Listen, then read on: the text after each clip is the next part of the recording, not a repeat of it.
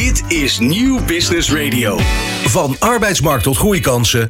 Van bedrijfscultuur tot innovatie. De Ondernemer. Live. Elke dinsdag van 11 tot 1. Live op Nieuw Business Radio. Met Remy Gieling en Roland Tameling. Is het Nederlandse ondernemersklimaat nog concurrerend of leggen we het af tegen omringende landen? Hoe houden we de mentale gezondheid van onze millennial collega's op peil en de best beoordeelde online supermarkt van Nederland worden? Hoe doe je dat? Goedemorgen en leuk dat je kijkt of luistert naar De Ondernemer Live.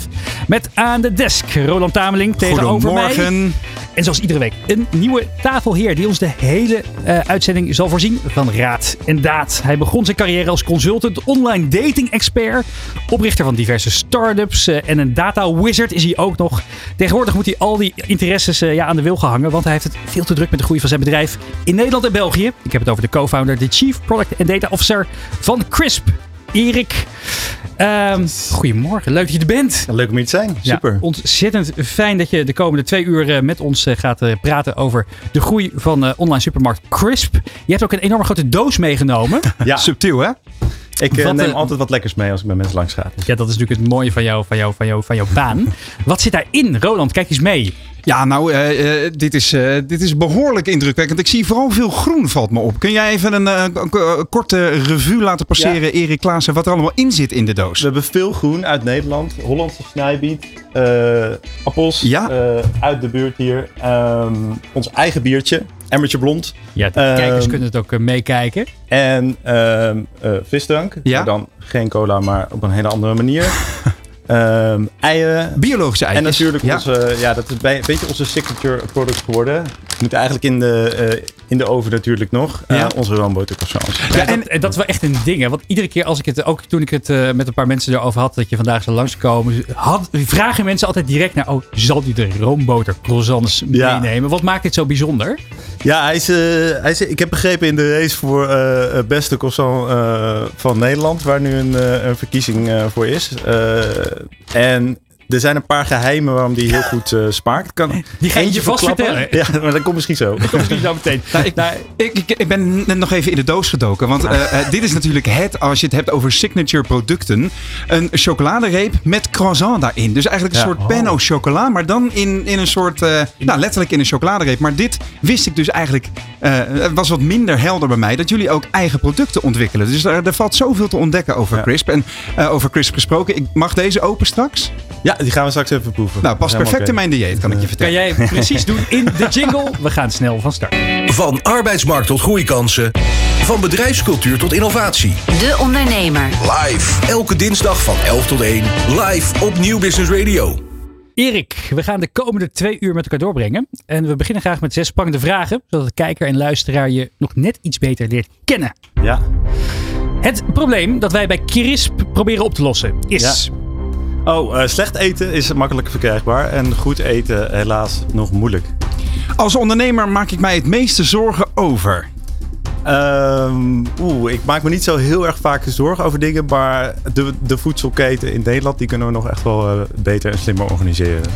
Als ik eh, in het torentje zat, zou ik eh, morgen dit als eerste veranderen. Oeh, ik denk dat ik het belastingstelsel echt eh, zou aanpakken voor. Als je een, een eerlijk verdeeld land eh, hebt, dan is dat volgens mij het ultieme middel wat je hebt. Eh, en dat is op dit moment eh, helaas een beetje een rommel in Nederland. Dus- Grote dingen. Mijn favoriete supermarkt naast mijn eigen imperium natuurlijk is. Oeh, ik moet zeggen dat ik, en, dat, en dat meen ik echt, dat ik eigenlijk niet meer in de offline supermarkt kom. Dus ik ben heel erg een, eh, ja, een, een, een, te graag te gast in mijn eigen winkel.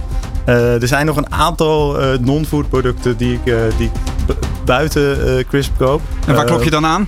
de- maar dan ben ik ook vaak bij bol.com of Amazon of eh, dat soort ja. Ja. Met deze ondernemer zou ik graag een week op een onbewoond eiland willen zitten. Oeh, eh, goh, dat is een hele interessante vraag. Ja, ik vind eh, Bill Gates is een hele fascinerende ondernemer. Dat, dat vind ik al sinds jong af aan eh, ben ik daardoor geboeid. Dus daar zou ik wel eens een, wat meer tijd mee willen doorbrengen als hij tijd heeft. Als hij tijd heeft, ja. En dan tot slot, mijn missie is geslaagd. Wanneer? Eh, wanneer we beter eh, eten voor meer mensen bereikbaar kunnen maken. Ja. Zo dadelijk praten we verder met Erik Klaassen van Crisp. Maar eerst het laatste ondernemersnieuws. Dit is De Ondernemer live op Nieuw Business Radio. Dit is het ondernemersnieuws van dinsdag 21 februari. Online bank Bunk heeft voor het eerst in de geschiedenis winst geboekt. In het vierde kwartaal van 2022 telde de kassa aan plus van 2,3 miljoen euro. Dit komt onder meer door de hogere inkomsten uit abonnementen en de stijging van klantengoeden met 64% De oprichter van Bunk, Ali Niknam, onlangs nog hier te gast, is trots op het resultaat. Niknam heeft zijn bedrijf ruim 10 jaar lang draaiende weten te houden, voornamelijk op eigen vermogen. En dan uh, belangrijk nieuws uit Autoland. Fabrikant van elektrische auto's, zonneauto's, Lightyear kan toch verder met de productie van zijn nieuwe betaalbare model, de Lightyear 2. De onderneming uit Helmond, die elektrische auto's maakt die, die dus rijden op zonne-energie voor een deel, was grotendeels failliet, maar maakt een doorstart met dank aan een, eh, een conglomeraat van meer dan 200 Nederlandse investeerders onder andere. Verderop in deze uitzending praten we daar uitgebreid over verder met adviseur en investeerder Mark Vletter.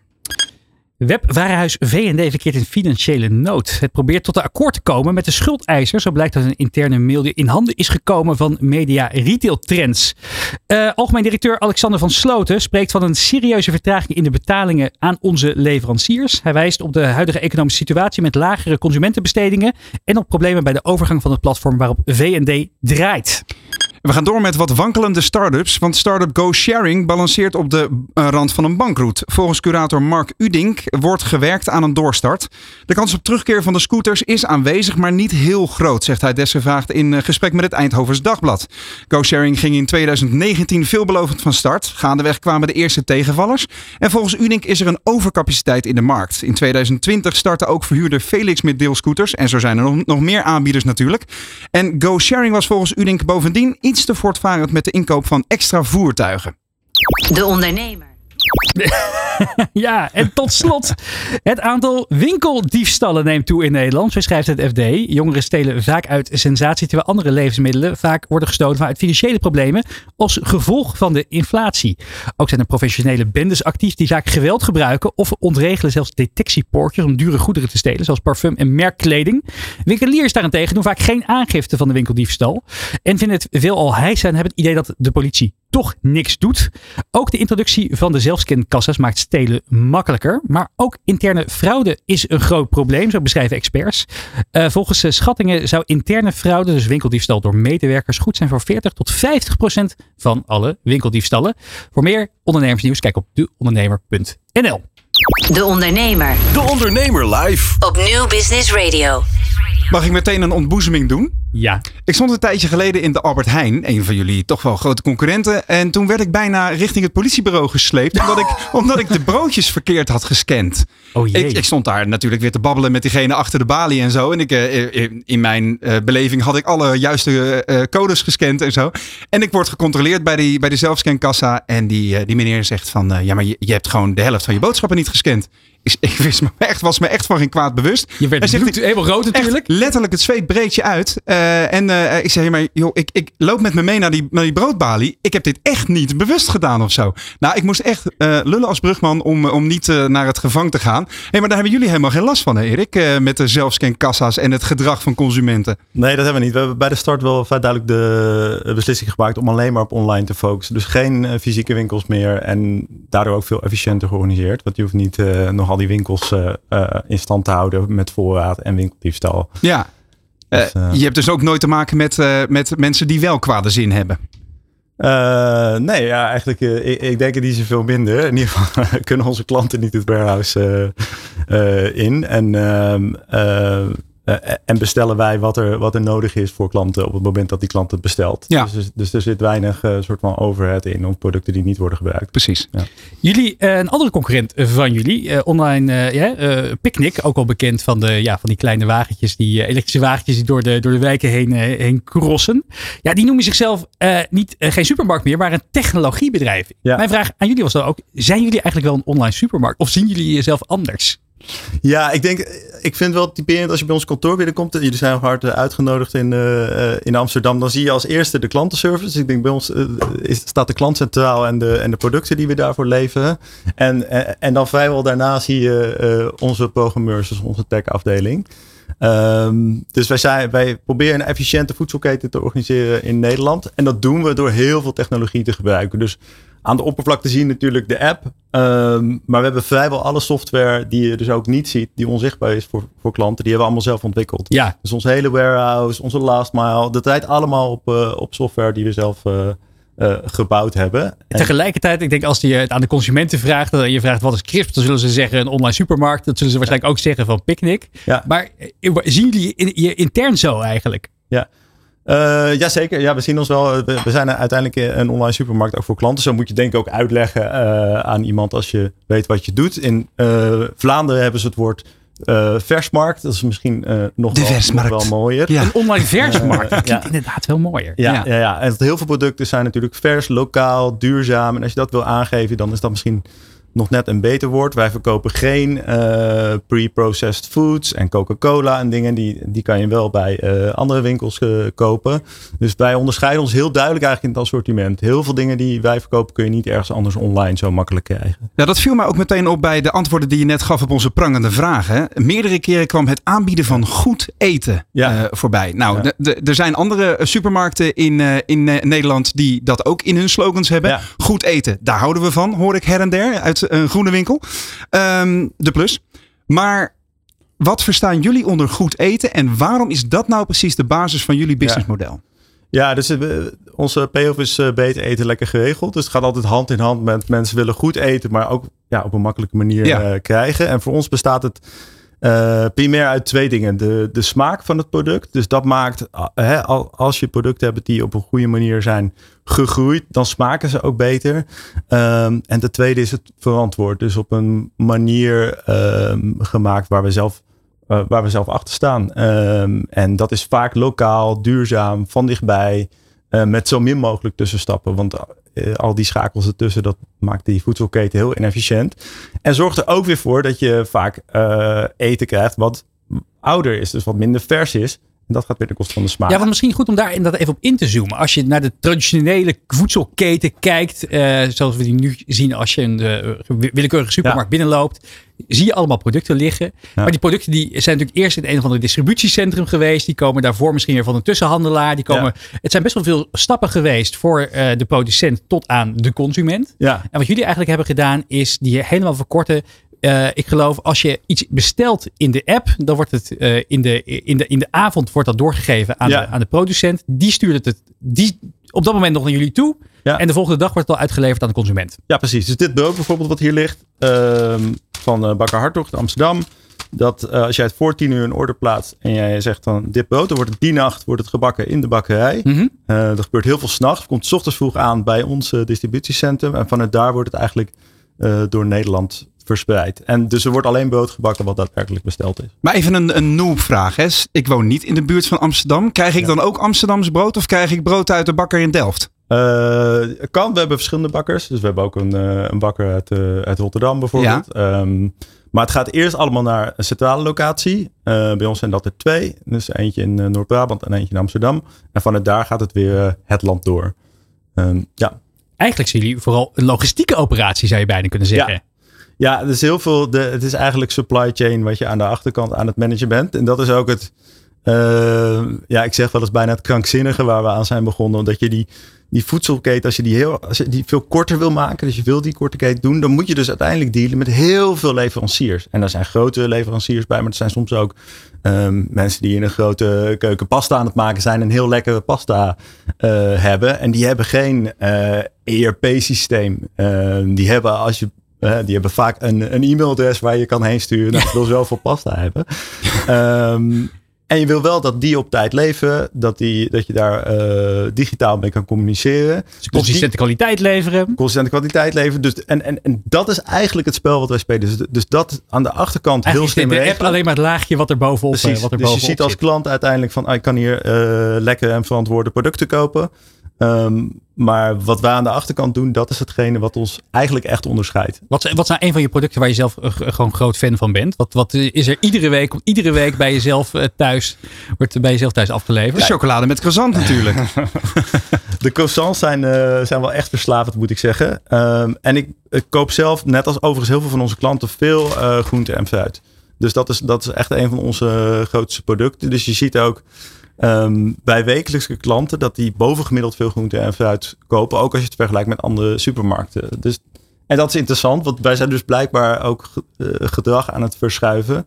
Ehm, mensen die iets minder vlees eten, maar meer groente. En dat is denk ik ook de beweging die we uiteindelijk zouden willen zien. Dus we leggen niemand wat op, maar je kunt wel nutchen natuurlijk en allerlei slimme dingen doen om uh, bepaalde producten meer of minder aan de man te brengen. Ja. Maar het is eigenlijk toevallig, hadden we het hier voor Ja, de uitzending exact. over. Eh, ja, Roland, jij bent notabene van online supermarkt geswitcht omdat je vond dat het aanbod van groente en fruit daar eh Nou, eh, met name de- overliet. Met name de kwaliteit inderdaad. Want Ja. ehm, ik, ik kan me ook voorstellen dat dat in de hele operatie de grootste uitdaging is. Hè? Want je krijgt het wellicht eh, vers binnen. Maar eh, eh, ja, uit mijn ervaring blijkt dat bijvoorbeeld de komkommers die ik via eh, Picnic bestelde. eh, laten we een naam en toenaam noemen. ehm, eh, die zijn toch echt eerder aan het, aan het vergaan in mijn groente- en fruitschaal. dan die ik uit de supermarkt zelf haal, zeg maar. Dus Ja. daar zit al een, een kwaliteitsslag die mij op een bepaald moment toch deed twijfelen aan de kwaliteit die je krijgt via online supermarkten. Mm. Hoe houden jullie dit dan wel overeind? Ja, dus er werken ook mensen bij ons. En dat zijn eigenlijk eh, in de offline wereld zou je die, die eh, een groenteman noemen. Eh, Ja. En die staan bij ons elke ochtend controleren die ook wat er binnenkomt. Voldoet het aan de criteria? Is het het juiste product? Soms wordt er ook wel eens wat, wat teruggestuurd als Ja. het niet goed genoeg is. Dus je moet, en dat hebben we per categorie gedaan, bepaalde kwaliteitseisen stellen. En daar dan ook heel streng op zijn en dat organiseren.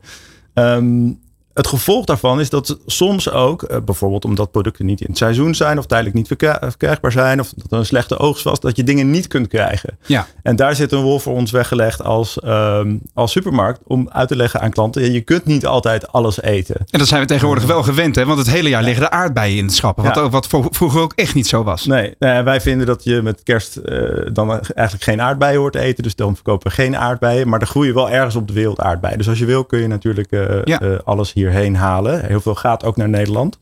Ehm, maar daar moet je denk ik een stelling eh, in nemen als bedrijf. Eh, en op een gegeven moment merk je dat klanten je dan gaan vertrouwen als, als een betrouwbare soort van partner in het voorzien van hun wekelijkse boodschappen.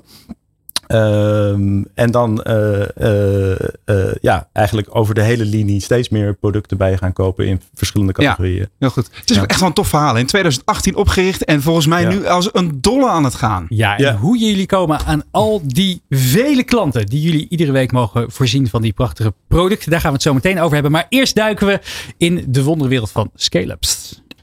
De Ondernemer. Live op Nieuw Business Radio. De waardering van Nederlandse techbedrijven stagneert. En het afgelopen jaar waren slechts drie bedrijven in staat om hun waardering tot boven het miljard te laten stijgen. Wat is hier aan de hand? En welke stappen zijn er nodig om Nederland een technologiekrachtpatser te maken? Aan de lijn Maurice van Tilburg, CEO van TechLeap. Maurice, deze cijfers eh, hebben niet uit de lucht gegrepen, maar staan in jullie jaarlijkse State of Dutch Tech Report. Wat vond je Yes. zelf de meest opvallende conclusie van dit jaar? Ehm, ik denk dat er een paar conclusies zijn eh, die best wel relevant zijn. Eén is dat bijvoorbeeld er nog steeds beperkt geld naar eh, diverse founder teams gaat. Dus dat is nog eh, echt nog wel werk aan de winkel. Tweede is denk ik het belang dat Nederland ook in latere fase meer eh co-investeert met buitenlandse investeerders, dus know-how gebruikt om te zorgen dat bedrijven financieel, maar ook met een netwerk eh, internationaal worden, worden geholpen. En uiteindelijk het talent, dat, ehm, dat daar echt heel veel aandacht voor nodig is, omdat er een, eh, een groeiend tekort aan talent is voor de technologie sector. Ja, het rapport staat eh, bomvol mooie cijfers. Eh, aan de ene kant zijn er inmiddels zo'n eh, 10.000 startups en scale-ups in Nederland. Is het afgelopen jaar 2,6 miljard euro geïnvesteerd vanuit eh, venture capital partijen in dit soort bedrijven. Hebben deze organisaties zo'n 135.000 banen gecreëerd. En zijn ze in het totaal voor eh, 310 miljard gewaardeerd. Klinkt best wel eigenlijk goed, maar is het ook het moment om onszelf op de borst te kloppen? Of eh, is er nog steeds werk aan de winkel? Nou, kijk, wat je ziet in het algemeen is dat Nederland de goede kant op gaat. Dus we zijn ook eh, in sommige rankings zijn we nu de tweede in Europa of de eerste in de Europese Unie als het gaat om de kracht van de infrastructuur. Aan de andere kant eh, schalen we eigenlijk nog te weinig. Dus er worden te weinig producten nog echt naar de markt gebracht. ehm, ten opzichte van andere landen. En eh, daar is dus nog werk aan de winkel. Is nog heel veel potentieel, wat dus eigenlijk niet uiteindelijk succesvol is en ook geld oplevert en werkgelegenheid. En wat is er dan nodig, Maries, om dat wel te doorbreken? Om, om, om die producten zogezegd wel naar de markt te krijgen en het uh, op te kunnen schalen? Nou, dat is, uh, dat is een 100 pagina's rapport over. dat is nogal wat. Um, maar ik denk inderdaad, uh, steeds nijpender wordt het gebrek aan talent. Eigenlijk, dat is een belangrijke. Um, en daar hebben, moeten we echt alle zeilen bij zetten. Korte, uh, maar ook op lange termijn. Dus korte termijn dat we internationaal talent aantrekken. Maar ook lange termijn dat uh, we zelf gewoon veel meer talent ontwikkelen. En bijvoorbeeld dat er regelingen komen voor mensen die nu vastzitten in beroepen die eigenlijk weinig uitzicht hebben in de toekomst. Dat die echt gewoon worden geholpen om meer mee te doen met digitale beroepen. Beroepen die ook in de digitale economie mee, uh, mee van belang zijn. Dus echt al heel erg inzetten op de omscholingstrajecten en überhaupt opleidingen.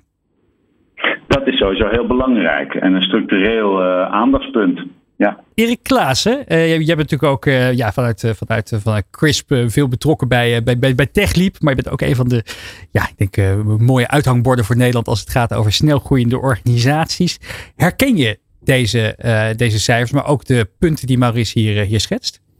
Ja, zeker. Ik denk dat er nog een heleboel te verbeteren valt aan het, uh, het klimaat voor, voor techbedrijven in Nederland. Um, het, het, het, het, punt van talent merken wij zelf minder. Maar dat is een beetje een luxe positie waar we als bedrijf in verkeren. Denk ik, omdat we missiegedreven zijn.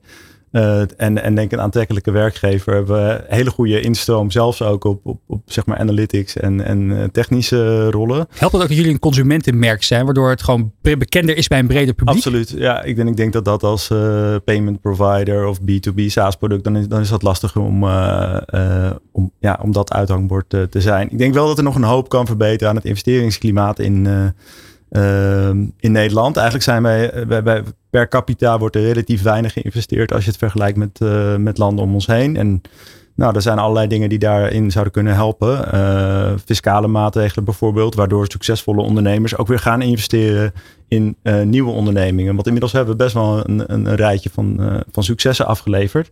Ja, dat zijn super waardevolle mensen om aan je te binden. Als, ook voor mij als, als, als co-founder van een start-up. Maar die hebben ook kapitaal, dus die kunnen dat inzetten. En als dat nog aantrekkelijker wordt gemaakt. Ja, ja, jullie hebben natuurlijk zelf inderdaad uh, mensen als, uh, als Adriaan Mol van Molly aan je weten te binden. Jitse Groen van, van Takeaway. Gaan we het straks nog over hebben. Ja. Maurice, uh, dit staat eigenlijk ook in jullie rapport. Hè? Enerzijds moeten de fiscale maatregelen beter worden voor, ja, voor vermogende founders die, die, om, het, om, het, om hun kapitaal te herinvesteren in, um, in, in, in, nieuwe bedrijven. Maar jullie zeggen ook dat pensioengeld weer meer, dat er meer pensioengeld moet worden belegd. Wat, um, wat is daar de redenatie achter? Nou ja, kijk, Nederland heeft op zich een van de grootste pensioenspelers ter wereld. Uh, en uh, alleen, wat we de vorig jaar in een rapport al laten zien, daarvan gaat een heel beperkt deel uh, naar Nederland en naar de technologische sector. Er zijn uitzonderingen van. We zien dat pensioenfonds PNT en PME, dat die echt actiever aan het worden zijn. Maar er is ook heel veel partijen die dat nog niet doen. Um, en ja, dat betekent dat in andere, veel andere landen spelen dit soort institutionele partijen, pensioenfondsen, verzekeringen, spelen een belangrijke rol om uh, eigenlijk geld te investeren in deze sector. En die sector op zich dat laten ook, zie je ook aan cijfers, daar is gewoon goed geld mee te verdienen. De ja. overheid doet dat ook, investeert ook via bijvoorbeeld uh, Dutch uh, Venture Initiative uh, al jaren. En dat rendeert gewoon heel positief. Dus het is niet een, het is niet een, een, een bodemloos putje, er komt uiteindelijk ook geld uit. Dus het is een win-win-win eigenlijk. Hoe, ja. hoe kunnen we dit voor elkaar krijgen om te zorgen dat we die, die, ja, die pensioenfondsen gaan vermurmen om eindelijk eens wat meer de portemonnee te trekken? Moeten jij en je collega Constantijn van Oranje niet een keertje lang een, een roadshow maken langs alle bekende pensioenfondsen om daar het uh, start-up evangelie te verkondigen? Um, ik denk dat die roadshows al wel gebeurd zijn. Um, ik denk, er zijn een paar re redenen. Kijk, wat je ziet vergelijk met andere landen is dat bijvoorbeeld in Scandinavië dat actief pensioenfondsen ook een andere opdracht krijgen. Bijvoorbeeld uh, de opdracht is niet alleen maak rendement voor de inwoners, maar investeer ook terug in de eigen infrastructuur. En in Nederland is dat is heel lang, gewoon ook vanwege goede redenen, nadruk geweest op rendement maken. Het tweede is dat het, het staat op dit moment niet in het mandaat. Het is een onbekende asset class nog steeds, zoals het heet. Het anders dan in andere bedrijven investeren of dan in obligaties investeren. En dat vraagt gewoon aparte expertise en uh, dat er gemeenschappelijk naar gekeken wordt. Ik zie wel nu dat er uh, meer beweging is en dat er ook meer aandacht is. Maar ja, dat, dat is altijd ja, dat is mooi om te zien, maar uiteindelijk gaat het pas echt werken als er ook echt materieel geld in die sector komt. En om een idee te geven, als je uh, ik zeggen 4% van de uh, pensioeninvesteringen, als je dat voor een deel zou steken in deze sector, dan heb je eigenlijk de hele kapitaalbehoefte al voorzien van die hele sector. Dus dat is om maar een beetje een beeld te geven. Ja, ik heb nog even een vraag over uh, wat, wat jullie onlangs hebben gedaan. Uh, bijvoorbeeld, hè, Remy, jij was ook op de CES. Daar waren enorm veel Nederlandse start-ups en scale-ups. Um, wat merken jullie dan aan, aan resultaat van zo'n internationale expeditie? hoe, hoe staan we er internationaal op als Nederland? Nou, ik denk dat uh, op een heel stel gebieden hebben we toonaangevende technologie. Uh, en uh, de gebieden als toch sustainability met um, partijen als Hydroloop. En ja, er zijn, er zijn echt wel aandacht uh, voor Nederland op dat gebied. We merken wel bij investeerders internationaal dat Nederland nog niet altijd op de radar staat. Dat men niet altijd weet dat uh, bedrijven als TomTom, Adyen, Molly, et cetera, allemaal uit Nederland komen. Ja. Dus er uh, is nog wel wat PR-werk te doen om te zorgen dat, dat de juiste investeerders ook onze bedrijven weten te vinden. Nu zitten we ook in een ja, wat, uh, wat lastiger economisch klimaat. Dat zien we ook op de start-up markt terugkomen. Uh, best wel een aantal ja, prominente bedrijven die de afgelopen jaren veel geld hadden opgehaald. Die toch het loodje leggen of een doorstart moeten maken. Uh, eerder deze uitzending hadden we het al kort over Lightyear. Maar ook GoSharing die op het rand van bankroet zou staan volgens een curator. ik denk aan, aan, aan Redje Pakketje of Instabox was het bekend. Hoe kijk jij daarnaar als, uh, ja, toch wel uit je helikopterblik over het, over het Nederlandse start-up en scale-up ecosysteem? Uh, moeten we ons zorgen maken? Zijn incidenten? Waar, uh, hoe, hoe duid jij deze, deze, deze nieuwsfeiten? Nou, het is wel een hele mix aan verschillende soorten casussen, om het zo maar te zeggen. Ik denk in de basis is het goed te beseffen dat als niet-tech-bedrijf, dus bijvoorbeeld een Lightyear of dat soort bedrijven, heb je echt een hele zware, lang traject voor de boeg. Want je moet dingen onderzoeken, uh, modellen bouwen, testen, et cetera. En dat is altijd uitdagend. Uh, en, zeker, en zeker als je dan uh, bepaalde founder teams hebt die nog vrij jong zijn, is dat echt dat is niet eenvoudig. Dus dat is één component. Het is aan zich duurt lang voordat je geld terugverdient. Je moet veel geduld hebben. Je moet ook je investeerders meekrijgen, et cetera. Dus dat is sowieso complex. Het tweede is wel, we zien dat een heel stel ondernemers is een aantal jaren gewend geraakt aan ieder jaar kunnen groeien. En dat dat logisch ging en dat het geld uh, beschikbaar was allemaal. Um, en je ziet nu dat ineens moet er uh, toch andere CFO's aan boord komen. Namelijk met cashflow uh, forecast die gaan kijken van hoeveel geld hebben we nog, hoe zorgen we dat we dat goed doen. En daar zie ik ook wel gevallen van. Dat, dat, uh, dat vraagt ineens een hele andere focus. En zit het ook, uh, sorry Maris, zit het ook in een bepaald, um, uh, een beetje een mindset in de Nederlandse uh, industrie dat wij al al vrij snel onder de indruk zijn van een paar miljoen euro. Oh ja, Lightyear heeft nu 8 miljoen euro uh, bij elkaar gehaald. Ja. Dan hoor je door heel Nederland een soort vibe van, nou, dat is toch best netjes. Op, op uh, internationaal niveau is 8 miljoen toch helemaal niks. Als je ziet dat bijvoorbeeld een concurrent als, als een Hyundai, die doet alleen al aan de ontwikkeling van elektrische voertuigen de komende jaar, uh, het komende jaar 13 miljard euro, dollar. Dus dat is niets in vergelijking met, met die cijfers die wij dan op tafel leggen als Nederland, toch? Zit daar nog een winst? Ja, nee, zeker. Kijk, een van de betogen die we hebben, bijvoorbeeld voor het internationaal investeren, en een mooi voorbeeld als Leiden Jar, is dat ja. in feite op dit moment is het zo dat um, diepere technologie is zo ingewikkeld dat je heel veel know-how moet hebben om te beoordelen of dat fantastisch is in Nederland, in een provincie in Nederland, ja. of is het fantastisch wereldwijd.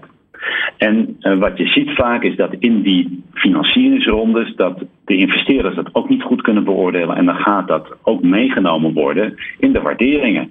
En dus het werkkapitaal wat een bedrijf aantrekt. Dus je zult in Nederland zien dat mensen in plaats van één keer geld ophalen voor een fabriek en een uh, potentie neerzetten, dat ze drie, vier, vijf keer moeten rond moeten. En dat een CEO dus eigenlijk fundraise officer is. Um, en in andere landen zie je dat grotere tickets. En dus denk ik niet dat de oplossing is dat we dat alleen in Nederland doen. Of alleen door het buitenland. Dat is wat niet veel gebeurt. Vaak nu, dat soort grote dingen wordt alleen bijvoorbeeld vanuit Boston gefinancierd ja. uit andere landen. Daarom is de samenwerking belangrijk. Dus dat Nederlandse investeerders mee kunnen doen in de grotere rondes. Op het moment dat er namelijk een fabriek wordt gebouwd, dan zit je ook op het punt dat er geld verdiend gaat worden. En ook terugkomt naar de investeerders en de schatkist. Dus het is heel belangrijk om in die fase, dus niet alleen vroege fase, met z'n allen dat te ondersteunen met allerlei maatregelen. Maar ook juist in de latere fase te zorgen dat je meedoet, partners hebt. En dus zorgt dat je ook als land dan de groei meemaakt. Dat de fabriek in Nederland komt en dat je ook het terugverdienen uh, daarvan volledig uh, benut. Ja, het State of Dutch Tech Report 2023 is nu gepubliceerd. En wil je alle inzichten weten? Neem dan een kijkje op techly.nl slash reports. Dankjewel, Maries van Tilburg. Dit is De Ondernemer live op Nieuw Business Radio. We praten vanuit onze studio in Hilversum verder met Erik Klaassen, co-founder, maar ook Chief Product en Data Officer. Mooie titel van Crisp. Ja, het zijn uh, uh, allemaal inzichten die we net hoorden van Maries van Tilburg, de ja. die directeur van TechLeap. We noemden al eventjes, hè? Het, het, het rommelt ook een beetje in, uh, in, in start-up land. Bekende namen die uh, uh, ja, voorheen hele mooie kapitaalrondes hadden opgehaald. En met, met groots op de bühne stonden. Met hun ambitieuze groeiplannen die dan toch ineens op omvallen staan. Instabox, ik noemde hem al eventjes. Ja. nu ook GoSharing. Eerder ook co-host geweest in deze, in deze uitzending. Zeker.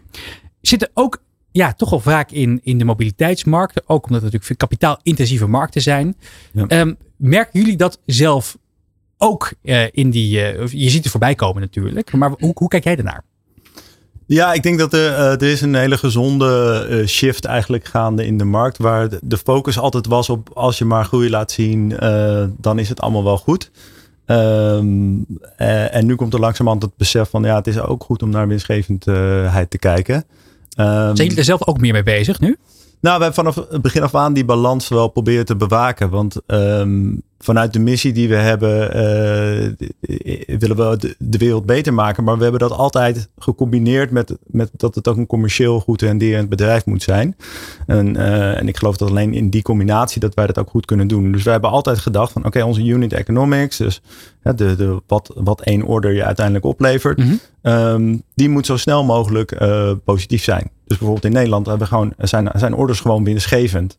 Wat er bij heel veel bedrijven gebeurde is, hoe groter die werden, hoe verlieslatender eigenlijk. Um, en bij ons is zo, elke nieuwe order levert gewoon meer geld op. Jij komt zelf uit de consultancy hoek. Uh, ja. is, is, is dit ook wat jij probeert er binnen te brengen gelijk vanaf de start al? Nou, het is interessant. Uh, uh, als consultant heb ik heel veel bedrijven gezien in de fase waarin Crisp nu is. Dus ik heb gewerkt voor Katawiki, Bloemon, voor Picnic, voor, ehm, voor heel veel verschillende scale-ups. Um, en dan zie je dus heel veel dingen die, uh, die goed gaan, maar ook, ook dingen die misgaan. En één daarvan is bijvoorbeeld uh, hele snelle internationale expansie. Een aantal keer zien gebeuren. Uh, Nederlandse bedrijven die bijvoorbeeld denken van...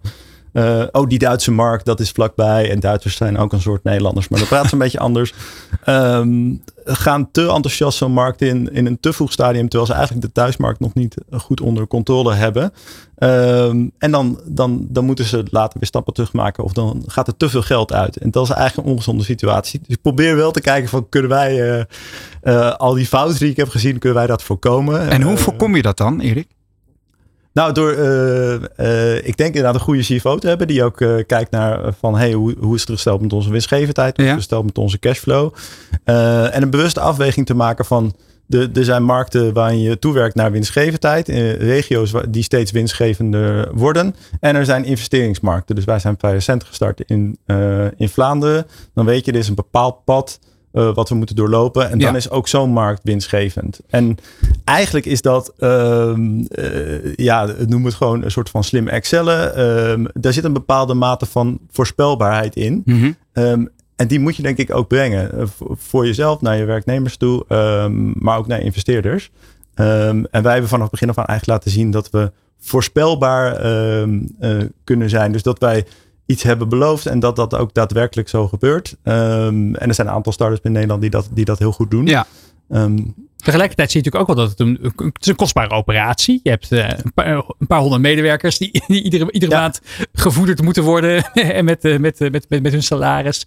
Je hebt een hele vloot aan crispwagentjes ja. rondrijden. Eentje gaan we nog aan het eind van, de, aan het eind van uur twee komt hij hier voor de deur. Kunnen we even kijken hoe ze eruit zien en hoe jullie de boodschappen bezorgen met die, met die, met die mooie voertuigen. Ja. De, de, hoe maak je dan inderdaad de balans tussen investeren in groei en toch inderdaad die winstgevendheid behouden? Ja, dus wij moeten sowieso groeien. Dus dat uh, uh, vanuit onze missie uh, wederom. Maar ook, kijk, wij zijn, de, wij zijn relatief nu nog een kleine speler. Zelfs al bestaan we vijf jaar, um, doen we veel omzet. De hele markt in Nederland is 40 miljard euro aan boodschappen. Um, dus dat is gigantisch. dus ben je een relatief jonge speler, dan, dan is er nog zoveel marktaandeel te winnen. Um, wij groeien ook nog steeds uh, uh, in die markt. Tegelijkertijd moet je dus kijken van zijn, uh, zijn orders uiteindelijk winstgevend? Zijn de kosten die je maakt, dekken die wel wat je doet? En, en, en de manier waarop wij dat doen, Um, is niet door grote geautomatiseerde uh, warehouses waar robots rond zijn. Dat blijkt gewoon met, ja. met, met mensen ook uh, uh, heel goed en efficiënt te kunnen. Mits daar software onder ligt die dat, die dat proces heel efficiënt managt. Ja, ik kan me ook voorstellen dat het een continu proces is van je impulsen controleren. Want ik kan me uh, indenken op het moment dat je zo'n zo'n markt bedient uh, als jullie, dan voelt alles als laaghangend fruit. Ja. We kunnen dit, we kunnen dat. En voor je het weet staan er bomen vol met laaghangend fruit. En zie je uiteindelijk niet meer welk fruit je aan het, uh, aan het plukken bent, zo gezegd. Hè? Ja. hoe voorkom je nou dat je, dat je in die continue quest van we kunnen ook dit, we kunnen ook dat, we kunnen. Want ik dat is ook die start-up mentaliteit. Ja, ja, dus enerzijds ben je ondernemer, zie je overal kansen. Uh, en, en dat geldt ook voor mijn medeoprichters. Wij zien allerlei dingen gebeuren. Ja. Hey, maar dat zouden we ook kunnen doen. Dit is interessant. Um, maar nou, ook uh, brengen terug naar bijvoorbeeld assortiment. Wij dachten uh, in het begin dat je met, misschien met één ei één ei, dat dat voldoende is. Dat is toch een ei, precies. Want, ja. Want, en dan heb je gewoon het beste ei wat er is. Met de beste mm -hmm. smaak en wat uh, biologisch uit Nederland komt. Noem het maar op. Nou, uiteindelijk blijkt het dat er twee te zijn. We hebben nu twee verschillende eieren. Ik heb er één, uh, één soort hier meegebracht. Maar wat je bij de meeste supermarkten ziet, is ook een soort. Oh ja, maar we, er is misschien nog een vraag naar dit specifieke type. We kunnen nog een mais-ei. We kunnen nog een goedkope eronder zetten. Eentje van eigen merk, die eigenlijk hetzelfde is als de niet-eigen merk. Dus ook in assortiment proberen wij zo ja, lean mogelijk eigenlijk te blijven. Met een relatief klein assortiment. We hebben 3000, 3500 producten. De meeste supermarkten meer dan 10.000. Um, maar wel die dingen aan te bieden die, die passen. En, en ik denk dat dat over de hele breedte geldt. Uh, dat dat een beetje onze bedrijfsfilosofie is. Dat we ook niet te veel dingen willen doen. Maar die dingen die we doen, dat we dat heel goed doen. In de juiste sloten tegelijk dus. Inderdaad. Ja. Jullie ja. hebben ja. een hele mooie ja, tak van adviseurs om je heen verzameld. Die tevens geldschieter zijn in, het, in, in, in de operatie. We noemden het net al eventjes Adremol van Molly. Maar ook Jitse Groen van uh, Just Eat Takeaway. Wat leer je van deze mensen? Ik kan me voorstellen dat het niet alleen maar is van uh, we storten een, een, een, zak geld en doen er wat leuks mee. Nee, dat ze ook echt meedenken met hoe kunnen we crisp ja, mooier, groter en beter maken. Ja, Nee, het is enorm waardevol. Dus we hebben een, bewust eigenlijk een hele, naast de uh, Nederlandse families, hebben we een aantal ondernemers uh, op onze captable staan. Uh, dus Thomas Plantinga van Vinted is, is iemand waar we veel van kunnen leren. Adriaan Mol noem je net al. Um, en dat zijn mensen die hebben één of meerdere bedrijven groot gemaakt. Vaak nog groter dan Crisp nu is. Dus die hebben al een paar stappen uh, voorgelopen op ons uh, en ervaren wat je, uh, what's next, zeg maar. en het mooie is dat deze mensen nog heel erg hands-on betrokken zijn. Ehm, dus bijvoorbeeld Adriaan is gewoon bij Molly nog bezig met een product bouwen. Kun je eens één ding noemen? Sorry dat ik weer dwars door je verhaal yeah, bombardeer, maar ik ben zo benieuwd. Kun je eens één ding noemen? Ik, ik probeer het altijd een beetje tastbaar te maken. Hè? Want ja. je zit dan met dat soort grootheden aan tafel, of aan je bureau of aan de telefoon. Ja. Wat leer je nou van dat soort types? Geef eens één voorbeeld dat je denkt, aha. Uh, poeh, dat is, een, uh, dat is een hele goede vraag. Um, Komen zelfs met ongevraagde en... adviezen op de meest positieve zin. Dat ze zeggen, oh, ik heb nu iets gezien. Ik heb, we, we hebben nu bij ons uh, bedrijf X een tv-reclame gelanceerd. Dat liep echt als ja. een tierenlier. Denk daar eens aan. Ja, nee, absoluut. Dus, uh, uh, dus als je het bijvoorbeeld hebt over Vinted, uh, die hebben heel veel tv-reclame ja. gedaan, daar heel veel ervaring in van hoe doe je dat op de juiste manier. Nou, daar, daar, daar pikken we dan wat van mee. Um, en dan zie je vaak ook dat het een, dat het een dialoog is. Dus wij, wij, wij zijn een aantal, aantal marketingkanalen bij ons zijn heel succesvol. En dan kijken van nou, misschien kun jij daar dan ook weer van leren. Um, dus het verschilt eigenlijk per type investeerder. Uh, Adriaan heeft uh, Adriaan Mol heel veel ervaring met bijvoorbeeld uh, uh, ook andere investeerders. Heeft inmiddels zelf een investeringsvehikel, dus investeert ook weer terug in Nederlandse start-ups. Heel veel kennis van die markt. Um, dus eigenlijk op allerlei vlakken worden we geholpen. En met sommige mensen betekent dat dat je een periode bij wijze van spreken elke week aan de lijn hangt. Of dat je heel intensief contact hebt. En dan soms is er weer even een tijd niks totdat er weer een, een actueel probleem boven komt. En het feit dat wij ja, die pool aan ondernemers eigenlijk in onze telefoon hebben staan en zo kunnen bellen, is, is extreem waardevol. En voor jouzelf, het gaat nu natuurlijk heel, heel erg over het bedrijf. Uh, is er iets waarvan je zelf als persoon iets hebt geleerd van ze? Waar ik, oh, ja, het is natuurlijk geen school voor ondernemers, dus je moet het allemaal ook maar een beetje bij elkaar uh, learning by doing. Ja. Wat, wat heb je van zelf als op het gebied van uh, persoonlijk leiderschap meegenomen? Dat is een hele goede vraag. Heel veel, heel veel discussies zijn ook wel inhoudelijk uh, gedreven. En ik denk dat je uh, op leiderschap leer je heel veel van. Uh, natuurlijk van ondernemers om je heen. Maar dat kunnen ook peers zijn die niet per se direct in je investeren. Ja. Of maar medeoprichters of mensen uit ons managementteam. Want we hebben inmiddels gewoon een. Een, een, Maar is er iets waarvan je zegt, nou, dit, hier ben ik echt wel beter in geworden de afgelopen jaren? Of, of was je al perfect? Dat kan natuurlijk ook.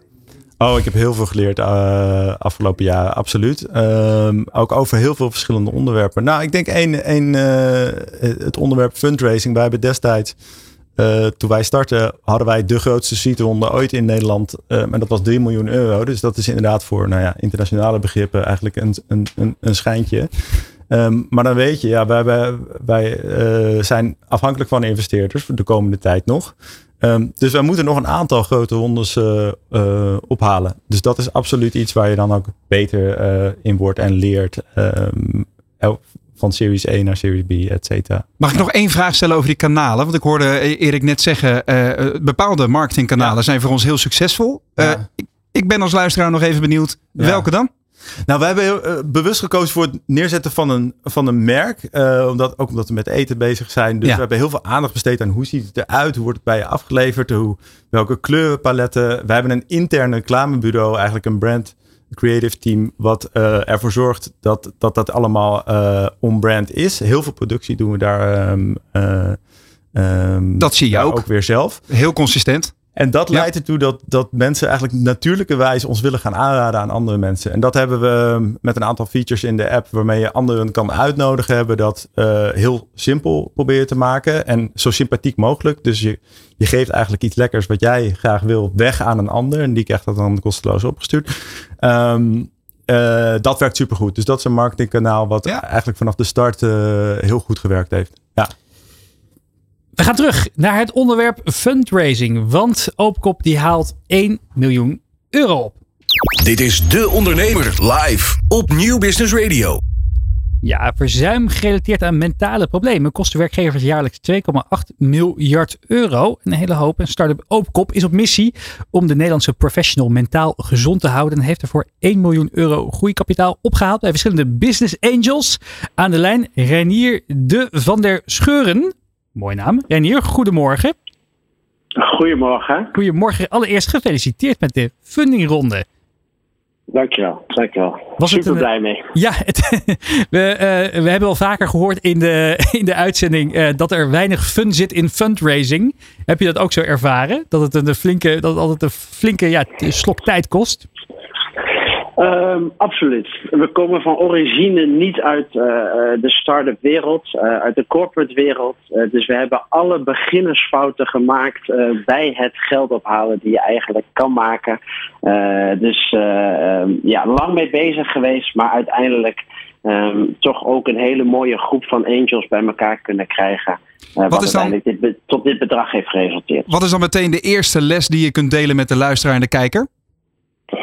Um, nou, zorg dat je je pitch perfect op orde hebt uh, en toetst bij niet direct de partijen waar je ook echt geld op wil halen. Ehm, en kijk ook welke investeerders relevant zijn voor de fase waar je in bevindt. En dus wij waren bijvoorbeeld heel uh, naïef als we waren direct met hele grote VC's aan het praten. Ja. Terwijl dat totaal nog niet de juiste eh, groep is uh, waar wij ons nu op moesten focussen. Duidelijk, die zijn opgeschreven. Ik kan me voorstellen dat veel luisteraars denken: op kop, dat is, het, is wel, ja, het blijft wel hangen. Wat een vreemde. Wat, wat heeft, waar, waar komt dat vandaan? Het is volgens mij een Afrikaans woord dat jullie hebben gebruikt, toch? Ja, dus OPCOP staat voor Open Mind in het Afrikaans, dat klopt. Uh, en letterlijk eigenlijk van onze gecureerde aanbieders op ons platform krijg je een open kopie.